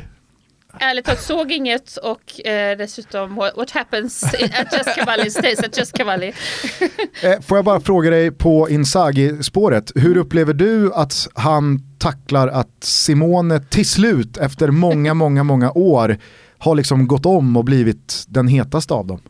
Det tror jag han tycker är väldigt jobbigt för det är så som jag känner det lilla man känner så av, eh, av Filippo så tror jag att han tycker det är väldigt jobbigt även om han utåt låtsas att han är glad. Eh, därför att det är, en, det är den typen av person så. Mm. Ser, ser du Pippo komma tillbaka till den största scenen som tränare? Bra fråga. Ja, det är definitivt det han vill. Det, det är det allting handlar om och så. Ja, jag tror inte det är alltid för man ska aldrig räkna bort Pippo Inzaghi. Jag var ju på den matchen eh, Real Madrid, Milan-Real Madrid. Eh, då när Zlatan var där också, då kommer jag ihåg att Mourinho sa innan att det är inte Zlatan jag fruktar, det är Pippo Inzaghi för när han är med livsfarligt och så kommer han in där om ni kommer ihåg 2-0 till Real. 2-1, 2-2, det var helt galet, det är de bästa matcher jag upplevt på San Siro. Och han pussar Zlatan på munnen och sen dagen efter detta måste jag berätta, detta är jätteroligt för då var det så här nämligen att eh, då låg eh, Milan i pressbojkott av Gazzetta dello Sport. Därför att de var skitarga för att eh, någon vecka innan så hade Milan fått stryk av Juve med 2-0. Och då hade Gazettan satt eh, rubriken Bunga Bunga Juve. Eh, Juve. Eh, nej men Bunga Bunga var ju om ni kommer ihåg, det var en av Berlusconis eh, alla skandaler. Eh, med den här Ruby, den unga dansösen och så vidare. Och då när eh, Juventus slår Milan så sätter som sagt Gazettan en eh, rubben på ettan, Bunga Bunga Juve. Och som betyder? Ja men liksom som en, jag vet inte hur ska man förklara Nej. det? Rajtan tajtan. ungefär precis men då tydlig anspelning till ägaren Berlusconi. Och de, Milan är väldigt bra att jobba med måste jag säga, jag har väldigt stor förståelse för, för medias, vad, vad media har för roll men då får de ett tokspel. Eh, och Galliani ringt upp, ringer upp då till Gazettan bland annat och då, då försvarar de sig säga men Totosport och Corriere dello Sport skriver en massa också. Då har sagt jag skiter i, jag kan inte säga exakt vad Galliani sa för det var så snuskigt, jag får inte, men han säger att jag skiter i om ni skriver att jag är, eh, om, om Corriere dello Sport och Totosport skriver att jag är en ful sak så spelar det ingen roll. Men eh, när Gazetten skriver det, då har det betydelse. Eh, så nu är det pressbojkott här ett tag. Fan vad Silencio Stampa ligger bättre i munnen än pressbojkott. Ja, exakt, Silencio Stampa. Och då står de även att det skulle även drabba mig då som frilans och jag var ju liksom utsänd dit av Sportbladet och då Alessandra Bocci som bevakade Milan som riktig drottning på Gazettan hon blev helt galen, italienaren så skön, hon bara ringer upp och börjar bråka med Milans presschef Giuseppe Sapienza och bara skriker så här ett italienskt i luren, hur kan detta drabba Jennifer och bara försvara mig. Men i alla fall, vad jag vill komma fram till när det gäller Pippo Inzaghi är då att dagen efter när han har gjort de här målen då har han slagit något europeiskt målrekord. Då vill Gazettan att han ska komma upp på redaktionen och fira med lite tårta och dricka, jag är också inbjuden och vi ska skriva om det här. Men Milan har Silencio Stampa, vad gör Pippo Inzaghi? Det skiter han i. Han bryter klubben Silencio Stampa för han vill synas och vara med. Så han går upp på Gazettans redaktion där vi är och utanför på gatan så står Pippo, eh, Giuseppe Sapienza då, han kallas också Pippo och jättar deras presschef och får stå utanför och vänta liksom. Och så är Pippo inne på Gazettan och skålar och äter kakor och är med på bild. Och så, liksom. Han har slagit målrekord, ja, hej! Silencio Stampa, han är kung. Liksom. Återgick de sen till Silencio Stampa? Ja, sen återgick de till Silencio Stampa. Jag gillar Pippo alltså. Mäktigt alltså. Ja. En spelare som du aldrig riktigt gillat? Hmm. Nej du. Um, jag tyckte att när jag började bevaka Henke Larsson i, uh, då var jag jätteung Londonkogge för Expressen. De skickade upp mig varenda jäkla helg till, uh, till Glasgow. När han var i Celtic. Så var han extremt dryg och ville inte ställa upp på intervjuerna. Han hade lovat det ibland. Eh, och jag var så här, första tjejen i London och jätteung och alla, det fanns killar så här, på redaktionen som sa hon kommer inte lyckas. Så tänkte jag så här, de ska få se och då vet jag att Henke hade lovat mig någon intervju någon gång och så bara sket han i det. Och då sprang jag upp och spelade bussen för att få tag på honom. Och jag blev utslängd så det visslade om det men då, då kom han ner och gav mig en intervju sen. Så det vill komma fram till det. Det var en spelare som jag tyckte var väldigt svår att göra med. Men lyckades jobba upp någon slags relation. Men där man kände tyckte jag ofta att det fanns eh liksom en på förhand förakt, eller inte förakt men i alla fall en ovilja just för att du är journalist. Mm. Eh, ingen spelare från planen som du eh, alltid, eller någon gång har känt att fan, den där spelaren faller mig inte i smaken? Ja du menar så. Det är många, svårt, du, du får ge mig betänketid i så fall. Det är ingen som man på, på förhand tycker illa om. Nej men så tycker jag det är svårt också, man kan tycka liksom Chiellini, bara fan vilken gris, men sen när man pratar med honom så är han supertrevlig liksom. Så det, det blir lite dubbelt. Ja. Hur är Lichsteiner? Ja, inte, inte haft mycket med honom att göra. Nej, jag kan inte säga någonting. Han är ju liksom nummer två på min lista. Är det så? Jordi ja. Alba högst upp. Sen Lichsteiner. Gris, känner jag bara. Men eh, du kan inte bekräfta den? Nej, kan inte varken bekräfta grisen. eller dementera tyvärr. Ja. ja. men då lever jag på hoppet. Ja. Då lever jag på hoppet att du heller inte kan dementera det. Intressen utanför fotboll? Eh, läsa, skriva. Eh, så faktiskt, det är mest det. Fotboll, träna själv, träna barnen, läsa, skriva.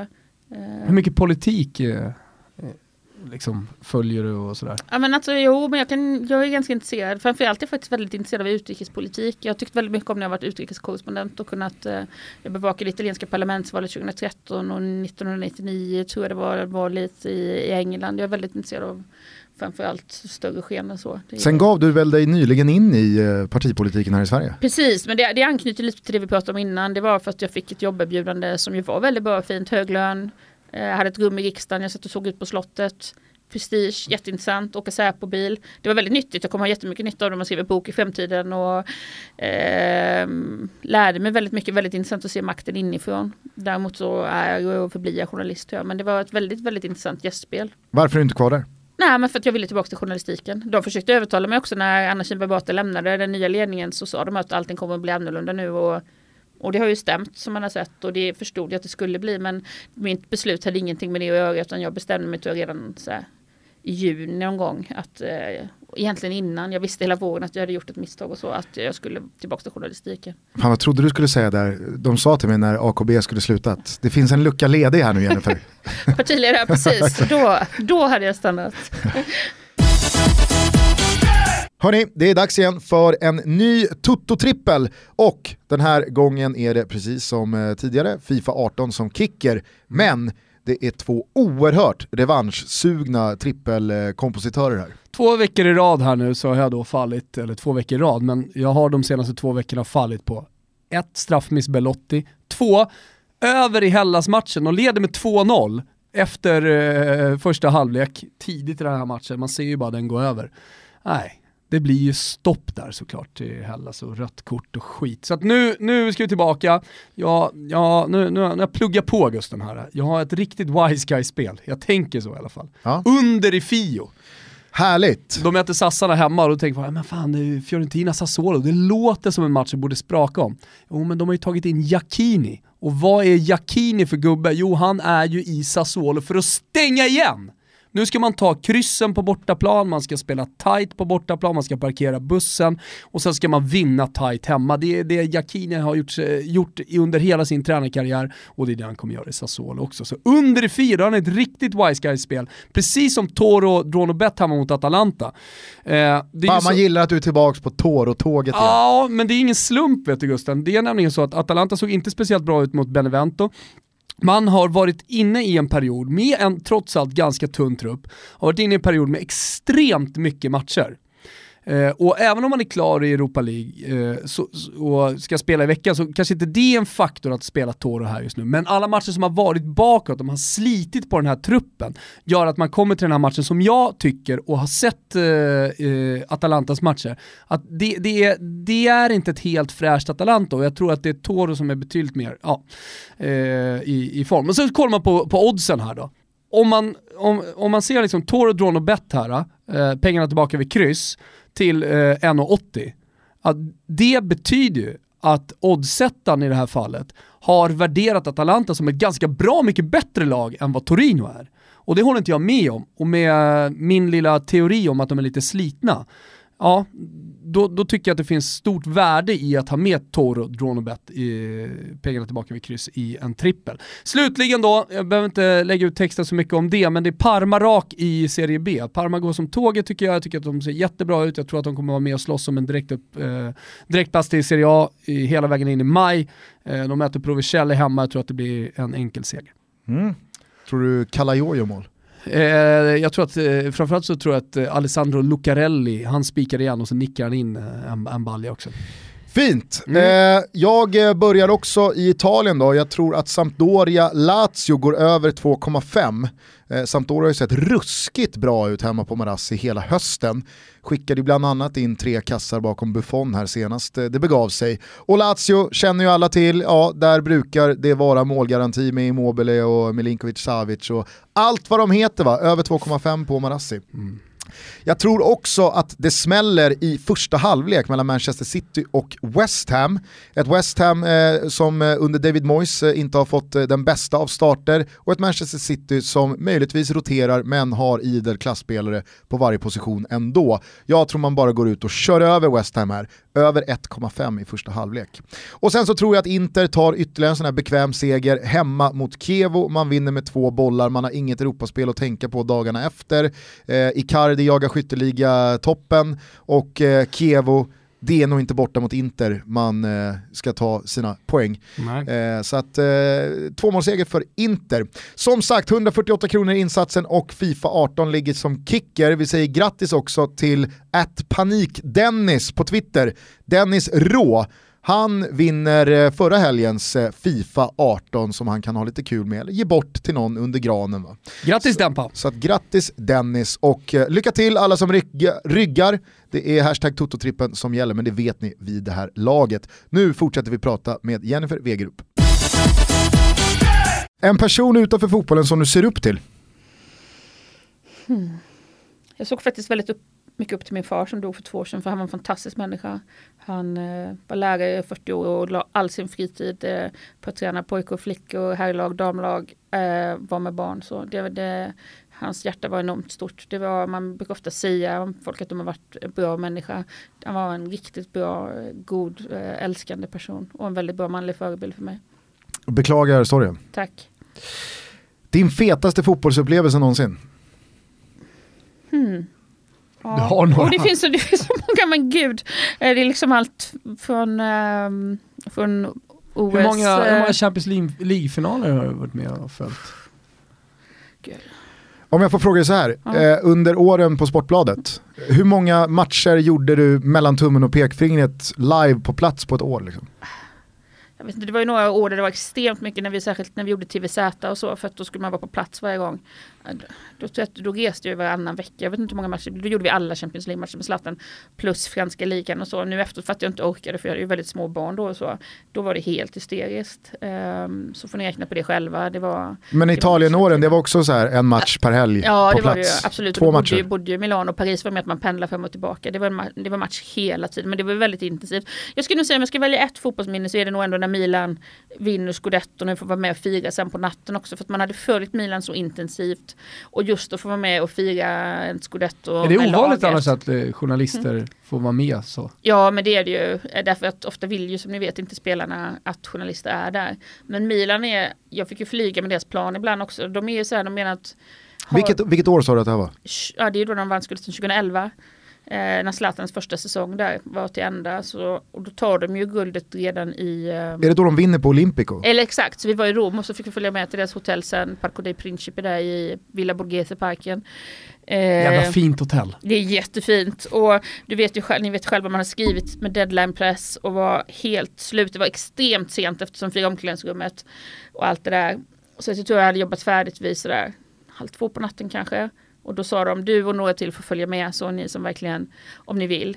Och så fick vi äta resterna och spelarnas buffé. Jag kände Milan-kocken jätteväl. Mikael han har gett mig receptet på Zlatans favoritpasta. Han är också Berlusconis kock. Så det vad, är det för, vad är det för pasta? väldigt enkel. Spaghetti med tomat. Du vet det enklaste är det godaste. Så det är en liten ost och lite så specialgrejer. Det var den Zlatan helst åt innan match.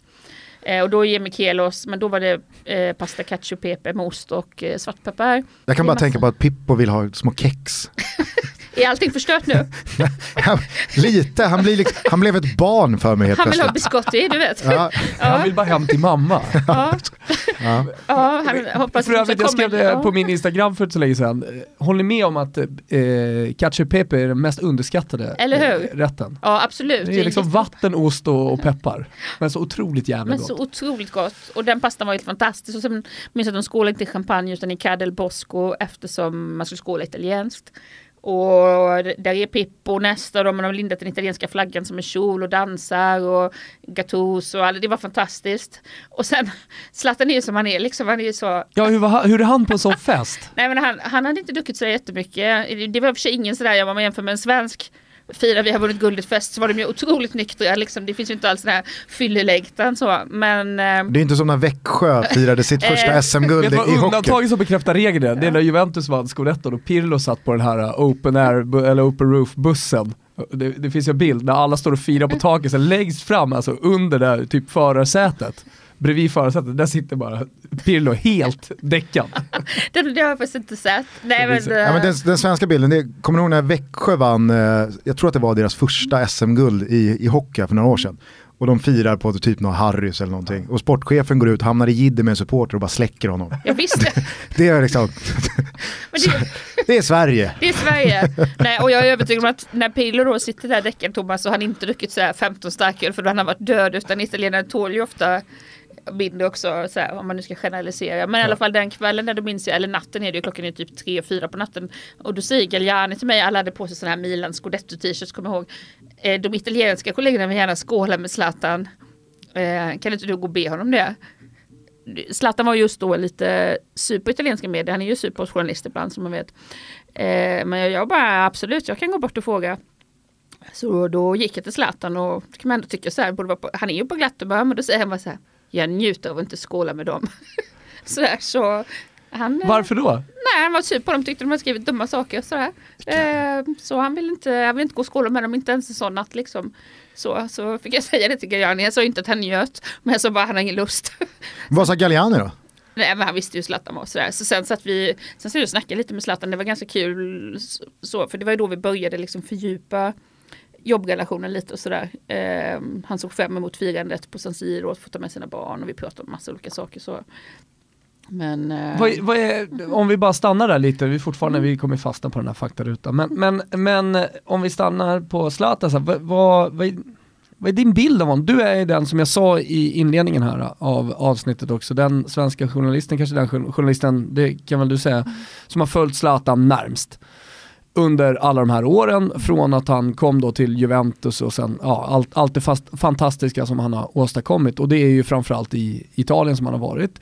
Eh, vad, är, vad är liksom, om du skulle beskriva Zlatan, hur, vad, vad är det för person? Så. Det är en bra fråga för det är en oerhört mångfacetterad eh, person. Eh, Zlatan är för det första, skulle jag säga, han är född med eh, intelligens, begåvning, alltså det är en smart person. För det tror jag nog många ja. tänker annorlunda. Nej, så. men han är riktigt smart. Eh, när han kommer in så till exempel i intervjuer så, så ser man ju hur han direkt söker av med blicken lite nästan som ett rovdjur på prärien. okej, okay, vad har jag mina fiender, vad har jag mina vänner? Som ett lejon? Ja, ja, ja, precis, lite. Men vad ska jag säga nu och vem ska jag behandla dåligt och vem ska jag behandla bra? Han har redan bestämt sig. Han är jättesnabb i repliken. Däremot så är han ju liksom inte bildad. Han har ju inte, han har inte fått det med sig från han var liten. Eh, det har inte varit en massa böcker hemma. Eh, skolan var inte det viktigaste. Och jag tror inte nu heller att han är en person som plöjer böcker. Och det är klart att det du säger då att man inte har den bilden av det påverkar. Men jag skulle säga att han är han är en Ferrari, han är jättesnabb, han har ett jättestort lastutrymme där bak också dessutom. Däremot har han inte lastat med bildning eh, livet utan en smart, men det är absolut en smart person. Eh, han är väldigt påverkad av sin uppväxt. Eh, hans utgångspunkt är att folk, så som jag upplever det, vill sätta dit honom. Wilhelm Milla säkert också hans första erfarenhet med media när han kom igenom från en så speciell miljö då och kom, kastas in i allt det här. Ja, men inte bara från medierna om jag bara får bryta in ja. det utan han, han har ju verkligen varit tydlig med att han kände sig jävligt sviken av Malmö FF och kanske Hasseborg då framförallt. Alltså att även, även det sportsliga ja, svek absolut. honom. Och, och, men, och det är liksom så, han är en sån person tror jag som att om det blir fel så känner han sig jävligt sviken. Mm. Han var också så arg på Galliani när han såldes och sådär. Det är en känslomänniska så. Och sen eh, det där har ju präglat honom. Ibland skulle jag vilja likna Zlatan vid Jan Guillou som också så bara säljer böcker som fan och ändå aldrig nöjd, alltid arg, alltid hungrig, ska alltid bevisa en gång till att han är bäst eh, och hela tiden ha det här inom sig. Så upplever jag Zlatan lite också. Det är därför han nu håller på med en massa saker. Han kommer aldrig bara sätta sig och falla till ro. Eh, han kan vara väldigt, väldigt charmerande och rolig när han vill och så. Det är en person med väldigt stark karisma. Så fort han kommer in i ett rum så ändrar sig ju allting. Och det är inte bara för att han är känd utan det är liksom hans personlighet. Han kan vara otroligt obehaglig om han bestämmer sig för det också. Jag har sett honom knäcka kollegor eh, när han blir bara spänner blicken i dem. Det gäller ju att man är tuff mot honom. Eh, jag tror att min fördel är att när jag började bevaka honom då var jag ändå 31 år. Jag hade varit på Expressen i nio år. Jag hade som kanske 24 gånger tvingats möta Göran Persson som behandlade mig nedlåtande eller Carl Bildt eller vem som helst. Jag hade väldigt mycket skinn på näsan och var ganska van att möta makthavare. Plus att jag har det temperamentet. Så att vi hamnade i storbråk han och jag några gånger men jag skrek tillbaka. Jag blev så fruktansvärt arg. Vi har ett jättebråk i mixade zonen på, eh, i Turin och när det var 2005 tror jag Juventus Real Madrid hade mötts. Och han ser mig och säger att då är han här på Sportbladet, inte på mig och bara skriker att han inte vill ge någon intervju. Och då skriker jag tillbaka, du får inte skrika åt mig. Så jag bara, eh, jag är på jobbet, vill du inte ge mig intervju så är det okej. Okay, men du får fan inte skrika åt mig bara för att du är Zlatan. Jag uteliggande ut och du är lika mycket värda. Och så börjar tjafsa mot oss, så håller vi på så. Jag tror där någonstans sätter det sig en respekt också. Mm. För hela hans värld är ju en massa rövslickare. Och jag har liksom alltid, ibland säger folk, ja ah, men hon har en bra relation med Zlatan för att hon fjäskar. Det är precis tvärtom. Han har en relation för att jag har visat att det här Han tar jag inte. det. Han ser, han ser igenom det direkt. Utan plus att han har sett att okay, det här är en person som känner jättemånga i de här klubbarna. Hon kan språket, hon har kontakter. Han är ju väldigt iakttagande. Men framförallt faktiskt för att jag alltid sagt emot honom. Eh, även när vi gjort så här långa guldbollintervjuer. säger han ah, 90% som skrivs i tidningen är ljug. Och då säger jag bara, men så att han liksom, skärp dig 90% vad menar du? Då får du specificera och då backar han ju direkt. Eh, och sen tog jag en sak till. Zlatan har ju allting utom språket då eh, på det sättet att vi har språket som arbetsverktyg vi journalister. Det är en av anledningarna till att han har ibland känt komplex och nästan hat mot journalisterna. Om du när du intervjuar honom, liksom, ibland tycker jag att man kan liksom ta honom vid handen lite och lotsa honom igenom så. Förstå vad det är han vill och så. Då känner han också att den här personen hon kommer hon inte ut efter att sätta dit mig utan tillsammans når vi fram, tillsammans når vi fram mot någonting. Så på sätt tror jag också att jag har vunnit hans förtroende faktiskt.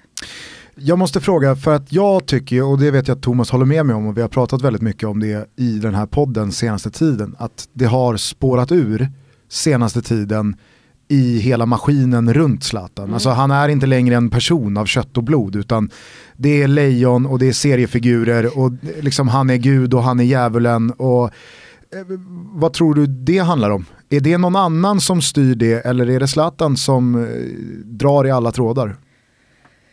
Det både och. Det finns ett stort maskineri runt honom. Han är ju en, eh, en miljonindustri, om inte en miljardindustri, Zlatan Ibrahimovic.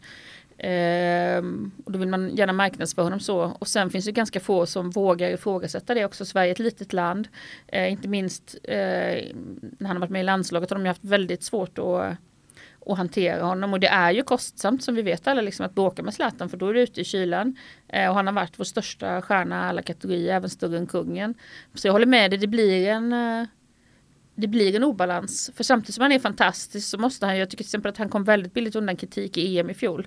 Han skulle bära Sverige och det gjorde han verkligen inte. Um, istället la han väldigt mycket fokus på att marknadsföra sina nya kläder uh, och det var fokus på att han skulle till United sen. Och sitt Uh, avsked. och sitt avsked. Uh, det handlade mycket mer om Zlatan än om Sverige. Uh, det tror jag är en av anledningarna till att det gått bra för landslaget nu. Fast um, Självklart ska han vara med om han vill spela för det är vår stora superstjärna. Han har ju helt andra kvaliteter på plan. Men eh, de kan inte särbehandla honom på det sättet. De måste lära sig hantera honom så att han både kan vara Zlatan och ändå att gruppen kan fungera. Det har ju Milan och de aldrig haft några problem med till exempel. De har kunnat säga visst du är Zlatan men det är fan vi som bestämmer ändå. Och säger vi att du ska göra intervjuer så gör du intervjuer till exempel. Uh, och det har jag till exempel den blågula ledningen inte riktigt kunnat klara av. Äh, för jag känner nu att i, idag så, vi, vi pratade också om det för eh, någon månad sedan, att jo, det var när Noah Bachner hade varit nere och träffat Mino Raiola Mm. eh, i en lång intervju, att Zlatan och Raiola, som duo eller eh, som två individer pratandes om varann, Mm. de har liksom nått en punkt där deras ord inte längre betyder någonting. Man tar dem inte på allvar, utan Nej. det är, det är någonting annat än åsikter, eh, fakta eller vad det nu är man säger. Det är bara ord. När Mino Raiola säger att "Nej, men Zlatan kommer spela fem år till, det är ingen som, liksom, det är, det är ingen som tror på det. Det är ingen som tror på Mino Raiola när han säger "Nej, men, eh, vi har bytt eh, inkomstkälla med varandra så att nu, nu har jag Zlatans lön och han har mitt agentarvode. Hade det sagts liksom för fem år sedan så hade det blivit en grej. Nu, nu är det som att säga, jaha vad gör vi med det här? Och Zlatan pratar om sig själv som, en som ett lejon eller en maskin eller vad det nu är.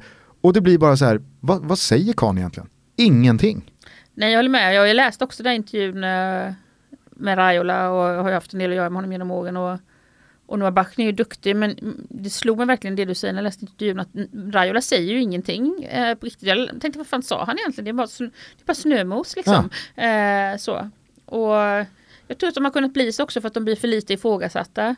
Eh, och, och, och det är också vi journalister som måste göra det. Jag har tyckt, och kanske är det också därför det har funkat bra med Zlatan, att när man pratar med honom, verkligen försöka prata med honom. Eh, och det liksom, som jag säger, ifrågasätta honom och prata om lite andra saker på riktigt. Livet, döden, men vad tycker du? Att inte låta honom Liksom när det kommer de här värsta klichéerna försöka dra honom ett steg till som du gör med en politiker eller något. Men vad menar du? Vad betyder det här egentligen? Ja. Och han gillar det. Han är väldigt ointresserad till exempel att prata om fotboll. För jag upplever att han är mest intresserad av sin egen karriär, inte fotboll i stort. Om du ska spela 4-4-2 eller 4-3-3, den typen av frågor hatar Zlatan. Um, Medan då kanske många, om jag nu ska generalisera, manliga sportjournalister gärna vill att fråga honom om sånt och visa kanske själv hur mycket fotboll du kan. Det är han helt ointresserad av. Ja. Ja, men jag vet, det, sen, det senaste han sa som jag liksom konsumerade var ju att eh, efter frukost hade jag eh, erövrat Sverige. Efter lunch hade jag erövrat Europa. Och efter middagen så har jag erövrat världen. Och så låter man bara det stå helt omöjligt. Vad, bet- vad betyder det?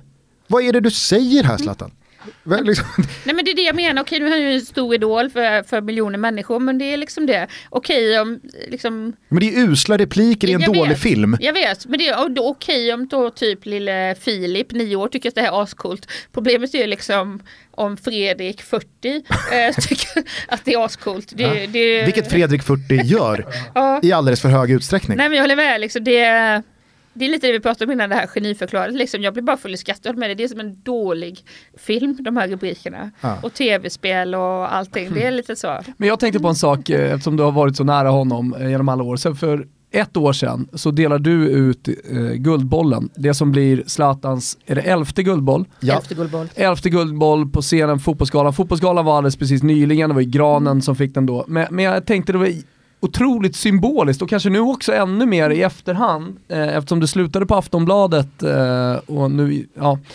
att det var just du som delade ut den där som, ja, nu kanske det blir en till guldboll, men, men det var i alla fall eh, en, idag är det den sista guldbollen sådär, att det var just du som fick dela ut den där på scenen. Kan du känna så också? Ja men så har jag absolut känt och det är många som har sagt. Värdigt på något sätt. Det kändes fint och värdigt och jag hade kanske en aning om då att det här kan bli en avskedsföreställning.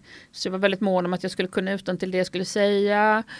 Och att jag skulle gå ut och äga på scenen och verkligen älska det och vara där. Det var många som, som berömde mig efteråt att jag hade gjort det bra. Och det var faktiskt ett väldigt fint ögonblick och då hade inte jag träffat Zlatan på ett tag för jag hade inte varit så mycket och gjort Premier League och då redan när vi står på scenen fortfarande i sändning så kom han om mig och sa så här eh, jättekul att se dig och så och sådär. Och han är ingen person som säger, han, ingen, han säger bara saker han menar liksom och sen står vi kvar och snackar en stund fastän fotograferna drog i honom och han frågar varför kommer du inte liksom hit ofta till England och hur är det med, hur är det med dina barn och sådär.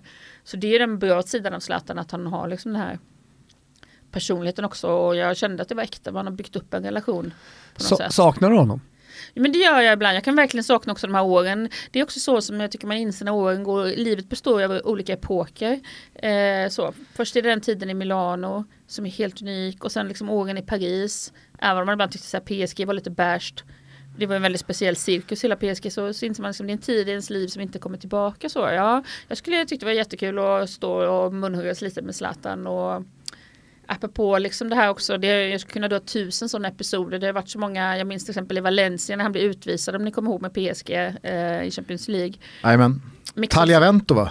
Precis, och mixad sol med typ 200 journalister nästan bara män. Och helt kaotiskt och spanskt oorganiserat och några räcken som håller på att välta. Och så står det någon manlig spansk journalist bakom mig och bara, så säger han till mig, alltid detta har hänt hur många gånger som helst. Kan inte du flytta på det så jag kommer i första led? Och jag bara, "Va- varför då? Ja men för att jag är tjej och han tror att jag inte kan så mycket fotboll och varför jag är där. Eh, jag blir så fruktansvärt arg och min kameraman säger bara då, lugna dig, lugna dig, liksom eh, foka på Zlatan nu.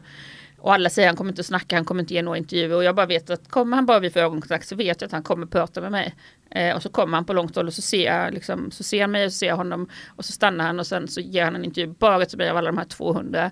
Eh, och via tv också så det blir jättebra. Och sen vänder jag mig om till den här mannen bakom mig och så sa jag bara så här, nu kan du få min plats. Vad sa han då? Då såg han lite så här lång näsa ut. Sen gick vi iväg för att sända tv och så. Men det var liksom så här up yours. S- släppte du också TVZ-micken? Precis, Nu kan du ta platsen. nu kan du ta platsen. Eh, jo, det var bara det jag skulle sy ihop den här Zlatan-säcken med. Du knöt alltså näven lite extra i byxfickan när eh, det blev granen då. Att du då fortfarande håller Zlatans sista gu- guldboll. Ja, att det inte skulle bli Zlatan var ju väntat och så. Det var många som trodde Foppa. Jag, sa- men jag vet ju hur diskussionerna går. Jag satt ju i juryn i tio år och sådär liksom. Ehm, Fast Men- hamnade du, hamnade du någon gång i ett sånt läge? För att låt oss vara ärliga, hade guldbollen delats ut för två veckor sedan så hade ju inte Andreas Granqvist fått den. nej. Som jag har förstått det så hade det varit ovanligt mycket diskussion den här gången. Ja. Ja. såklart. I och med Så, att den ja. här, det här liksom VM-avancemanget Ja. och på det sättet man gör det är ju såklart en sån vågmästare. Men jag är ändå förvånad för det är inte så Guldbollen alltså så som diskussionen alltid varit i liksom, under hela året från november till november eh, i både klubblag och landslag. Inte för att Andreas Granqvist har gjort en dålig säsong men jag är ändå förvånad. Jag trodde absolut att det skulle bli Forsberg just med tanke på att så har diskussionen alltid varit. Mm. Mm. Men ha, har du under dina år i juryn hamnat i en sån situation där en match har varit så liksom betydelsefull? Nej, därför att det har varit en så speciell situation och jag vet att typ 2010 eller något så tog vi med en principiell diskussion. Vad ska vi göra nu eh, med Zlatan? För det finns en stor risk eller chans hur man vill se det att han kommer vinna Guldbollen år efter år efter år. Hur ska vi hantera det här? Diamantbollen har ju varit lite så här, vilket jag tycker har varit urvattnat ibland, att de försökt fördela den jämnt. Mm. Eh, och det var ju ett ganska hårt tryck runt 2013 och så att Kim Källström skulle få den och sånt. Men vi sa vi måste stå emot det här för den ska gå till den bästa spelaren på en egen nivå. Det spelar ingen roll om du varit fantastisk i något annat lag eller Malmö FF och Zlatan var på en egen nivå. Och därför sa man då kommer han att få den om och om igen tills, tills han lägger av förmodligen. Och men, därför skulle han haft den i år också. Jag tänker på United och så. Ja. ja. Nej men får jag fråga ja. dig, för att jag tycker ju att Guldbollen ska vara priset för Sveriges bästa fotbollsspelare. Ja exakt. Är det det?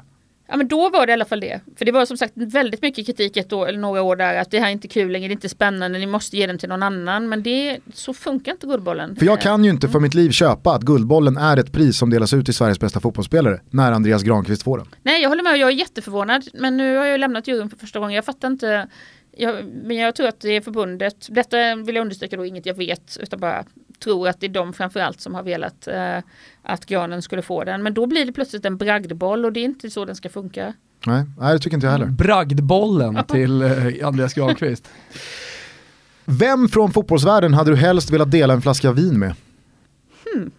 Ja men så som läget, om jag ska säga just nu, just idag, så skulle det absolut vara Zlatan för nu har jag inte träffat honom på ett år och det har hänt så himla mycket och skulle vilja höra liksom eh, vad händer och så, vad är dina planer och hur har det varit att vara borta och sådär. Vem, vem har varit eh, trevligast att dela en flaska vin med från fotbollsvärlden? Om vi tar någon som är lite... Genom åren, men oj det är så många, men jag tycker liksom Gigi Buffon har varit jättebra. Nästa var fantastisk, han var ju så snygg också. Förlåt. Mm, men, nej, var? Ja, han är? Ja, han är fortfarande, absolut. Eh, nej, men många, Favalli minns jag var en sån spelare som var jättetrevlig. David Beckham.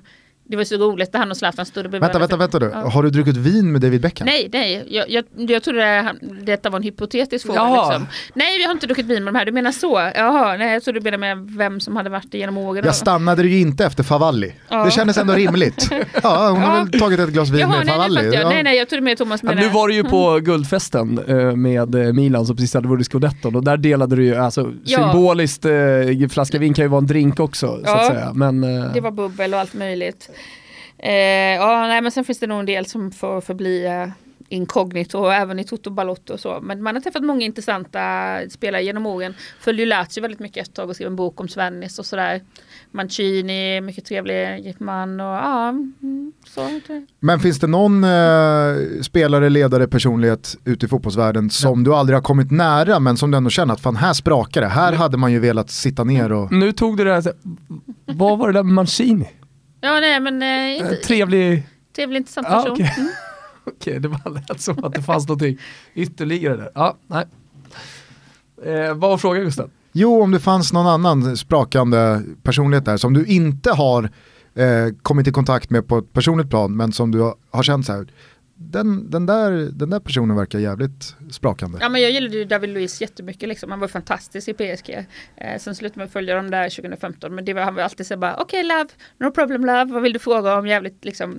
Brassarna, är de inte lite extra sköna? jo men väldigt, väldigt skönt och väldigt charmerande och så. Och även när det hade gått dåligt. För det tycker jag liksom är ett minimum när du är spelare med miljoner. Att du får fan ställa upp och snacka ändå liksom.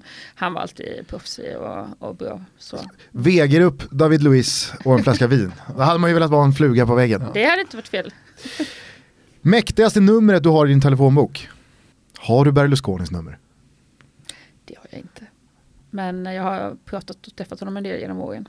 Eh, skulle jag vilja ha citat från honom, lite beroende på vad det gäller och sånt, så tror jag att jag skulle kunna få det ganska lätt. Eh.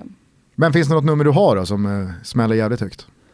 Ja men det, ja, men det är, alltså, det är många till väldigt många spelare och faktiskt även en del president och sånt där, framförallt Italien. Jag måste faktiskt säga, men jag vill inte ge ut dem heller för det på något sätt tycker jag det bygger också på diskussion. Jag kan visa, jag känner så att ni ser att jag talar sanning, men jag tycker att... Ja, vi tror ja, på det. Eh, det är Sjukt faktiskt, om vi avkräver att få se numret. Ja men det låter det är lätt t- talk is cheap på något sätt men det bygger, jag vill inte sitta och säga namnen men är det någonting som faktiskt som har varit min styrka som journalist är att jag har varit väldigt bra på att bygga men på att bygga relationer och det tycker jag det är ju A och O i journalistiken att du kan bemöta människor olika utifrån vem du möter att du kan hantera det. Alltifrån att du liksom sänker garden väldigt mer, kanske pratar lite mer dialekt, du möter någon eh, person i ett sånt sammanhang där du behöver vara nära och liten till att du kan tuffa till dig när du möter makthavare. Att du kan vara seriös men ändå varm som människa. Det är också alltid en balansgång och sådär. Och, ehm, och jag tycker väldigt mycket om att träffa och möta människor. Även när jag har skrivit mycket krönikor så var jag glad och samtidigt, det var en period när jag bara skrev krönikor. Jag kände att när jag sen fick börja göra intervjuer och komma ut lite mer igen som reporter att jag hade saknat det. Eh, för mig är det väldigt mycket vad livet handlar om, att det här mänskliga mötet. Hur låter det när du brer på dialekten? Äh, men, eh, du kan ringa mig sen. Ja, ja, ja jag hör. Jag hör. Mm. Eh, Men på tal om, eh, då, nu jobbar du för eh, Lät lite Ullared. Gazzetta dello Sport och så vidare. Eh, Saknar du att skriva på svenska? Ja, fast jag skriver ju böcker. Nu har jag precis skrivit färdigt två barnböcker. Den här serien jag skriver om, eh, nu har jag skrivit en bok nummer två om Olivia Skog. Håller på med bok om Hedvig Lindahl som kommer ut på olika förlag som jobbar mycket för jämställdhet och sådana saker. Eh, så Fast du är inte jämställd. Nej, Christian Olsson sa ju det på Nej, Radiosporten. eller hur? Nej, exakt. Jag är inte jämställd. Ja, du alltså. kan du skriva sådana böcker? Ja, det är otroligt jag som eh, verkligen inte bryr mig om tjejers och kvinnors rättigheter. Nej, men alltså skämt åsido, så där skriver jag. Eh, jag håller på med en eh, spänningsroman åt Forum, bokförlag Bonniers.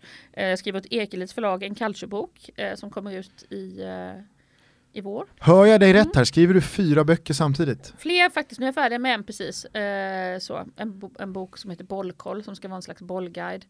Så ja, det är väldigt mycket olika böcker nu. Men visst, jag skulle gärna skriva för någon svensk eh, tidning lite mer. Tyckandet kan jag sakna så eftersom jag var van att tycka så väldigt mycket eh, så på svenska. Men jag hoppas att det kommer. Spänningsroman, blir, blir det Camilla Läckberg eh, Mm. 2.0? Nej, det har jag det. Jag hoppas, det hoppas jag inte, men det är väl dumt att säga när man tjänar så mycket pengar som hon. Det är en annan typ av bok eh, som utspelar sig delvis i Italien och delvis i Sverige. alltså hade, hade jag ringt Thomas en morgon och han berättat att "Ah, jag har börjat skriva en spänningsroman, då, då hade jag klivit in med stora artilleriet och bara skjutit ner att nej, Men det är, nej ingen Thomas. deckare, det är ingen deckare, det är en annan typ av bok och det är mycket Det är lite fotboll och det är eh, liksom större förgreningar vad som händer och det är ganska mycket sex och jag tror att den kan bli sälja jättebra hoppas jag. Hoppsan. Ja. Ja, det låter ju onekligen Jag som att det finns en liten cocktail en där av, bok. av lockande. Jag har ju skrivit, alltså jag har det. Ja. Okej.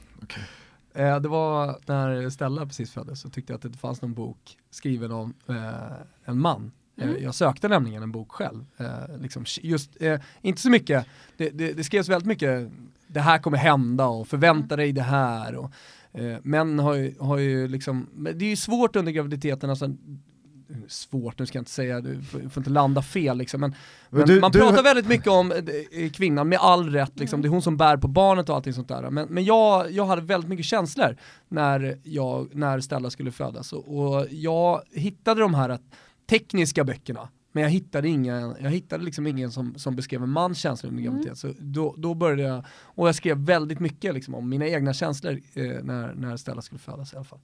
Eh, men den ligger i datorn och det kommer nog ligga kvar där. Men den, den, var viktig för mig i alla fall, eh, att, att skriva det. Men typ, vad- säg inte det, det är väl så här ganska rätt ämne för att plocka upp det. Ja, det är nog rätt ämne, men eh, ja. Ba- jag vet bakade inte. du in intriger och Nej, faktiskt ont, inte. brott, mord också? Nej, inget, Ond, bråd, död? nej, inget sånt alltså. Det var bara mina känslor. Ja. Ja.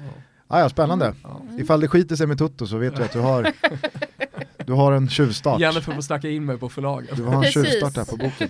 Eh, jag skulle bara kort där, för att eh, nu nämnde du ju lite i förbifarten där, men du stod ju i en intressant eh, debatt med Radiosportens Christian Olsson för några veckor sedan och Mm. eh, eh, i svallvågorna efter att Micke Lustig hade lackat ur på att eh, ett helt San Siro hade buat under svenska nationalsången och när den var slut då skrikit ut till sina lagkompisar omedveten om att kamerorna rullade och mikrofonerna var påslagna att de är jävla fitter. Yes. Och det blev ett, det blev ett jävla ramaskri kring det här. och Mm. väldigt starka eh, läger med olika takes på den här frågan. Eh, hur, eh, hur upplevde du de dagarna? För det blev ju jävligt stort. Eh, det blev väldigt stort och eh, för mig var det en typisk svensk pseudodebatt där vi liksom alltid silar mygg och sväljer kameler. Det finns ju massa viktiga jämställdhetsfrågor. Eh, inte att mycket Lustig råkar säga jävla fitter som en svordom.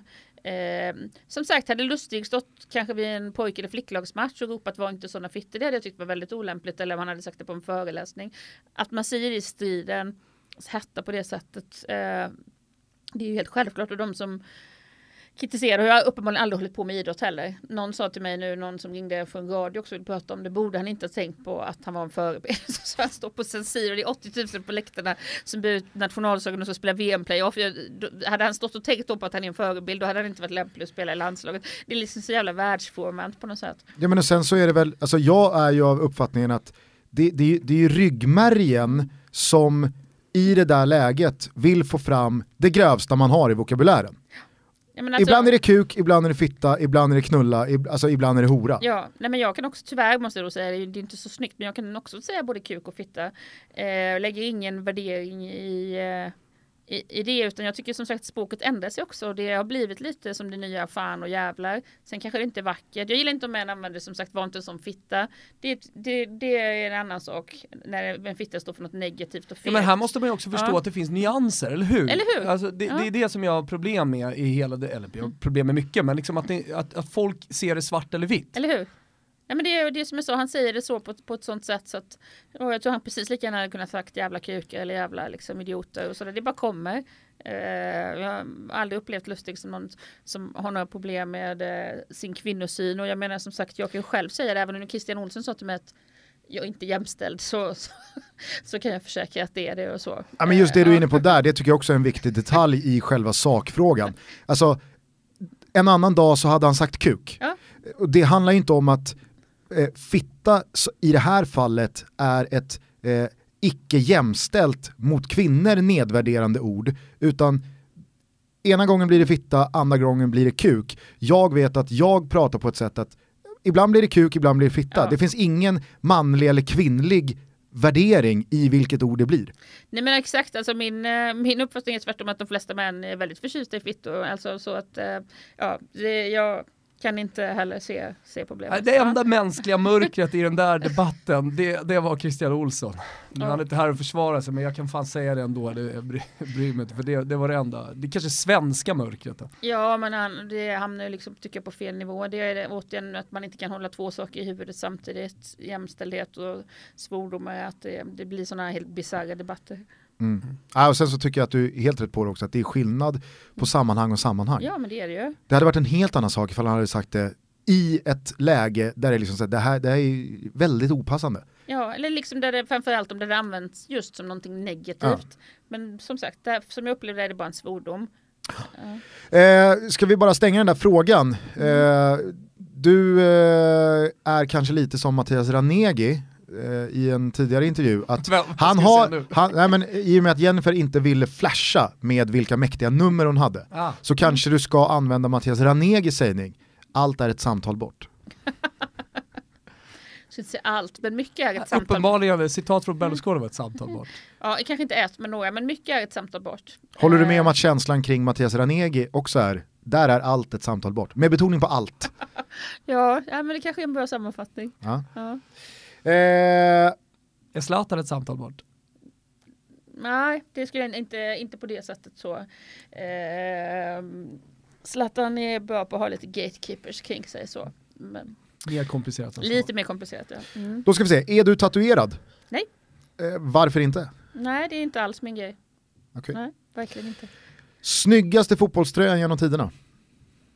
Ja, det var eh, italienska landslaget 1990. Men det är nog för också för att det är så mycket minnen. Ja. Mm. Väldigt många som brukar säga exakt samma sak fast sen säga 2000.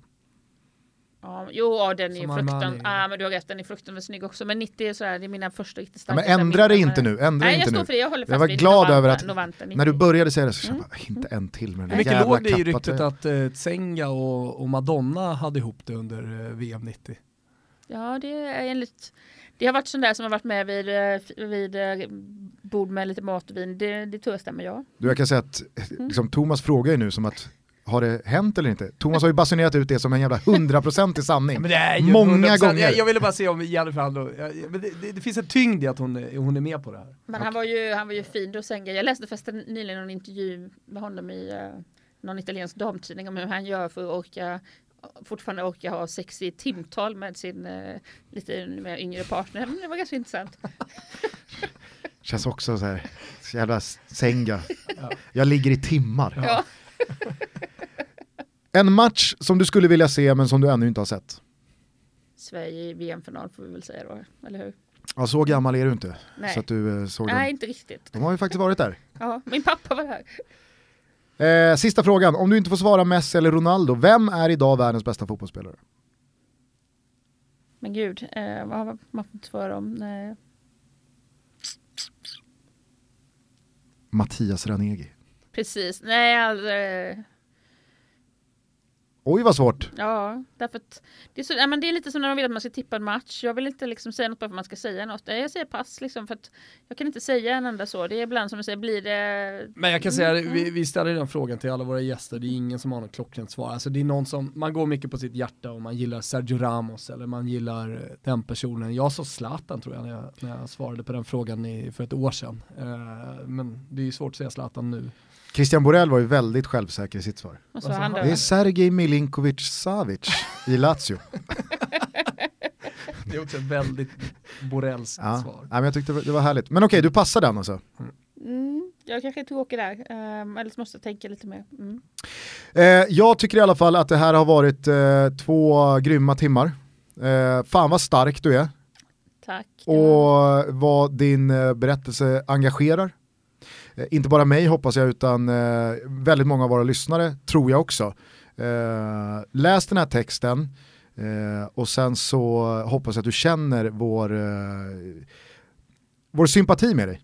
Mm, Tack, det har varit uh, jättekul för det första. Att sitta här och sen uh, väldigt givande och sen har det varit jobbigt men skönt också att prata om allt det här. Det är förmodligen enda sättet att gå vidare. Har vi missat någonting eller vill du tillägga någonting?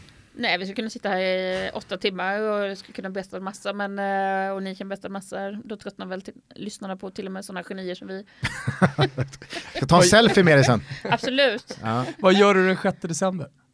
Den 6 december. Jag vet inte, vad gör jag då Thomas? Då, har vi, då, då ska vi inta Oscarsteatern, du är varmt välkommen. Då är det vad jag gör den 6 december. Varmt välkommen, vad kul. Tack, mille grazie. Och vill ni komma så vet ni att det finns några få biljetter kvar. Ni hittar dem via totobalutto.se och eller våra sociala medier eller oscarsteatern.se. Sådär. De går åt här nu så att eh, ligg inte på latsidan och eh, missa de sista plåtarna. Eh, precis som alla andra våra gäster så ska du få avsluta ditt program med en låt. Okej. Ehm, alone. Alan Walker. Bra val. Härligt. Eh, Allsmäktige musikguden Gustav säger bra val. ska, Nej, men lite symboliskt, allt som Art också gör. jag har den, ju- jag har den inte i huvudet. Så jag fick skjuta någon slags be, bredspektra missil här med att bara dra, dra till med ett bra val. Ja. Tack så mycket Jennifer, Tack. du har varit eh, fantastisk. Eh, Vi säger ciao tutti. Ciao tutti. Ciao tutti. we are together. I know I'm not alone. I know I'm not alone.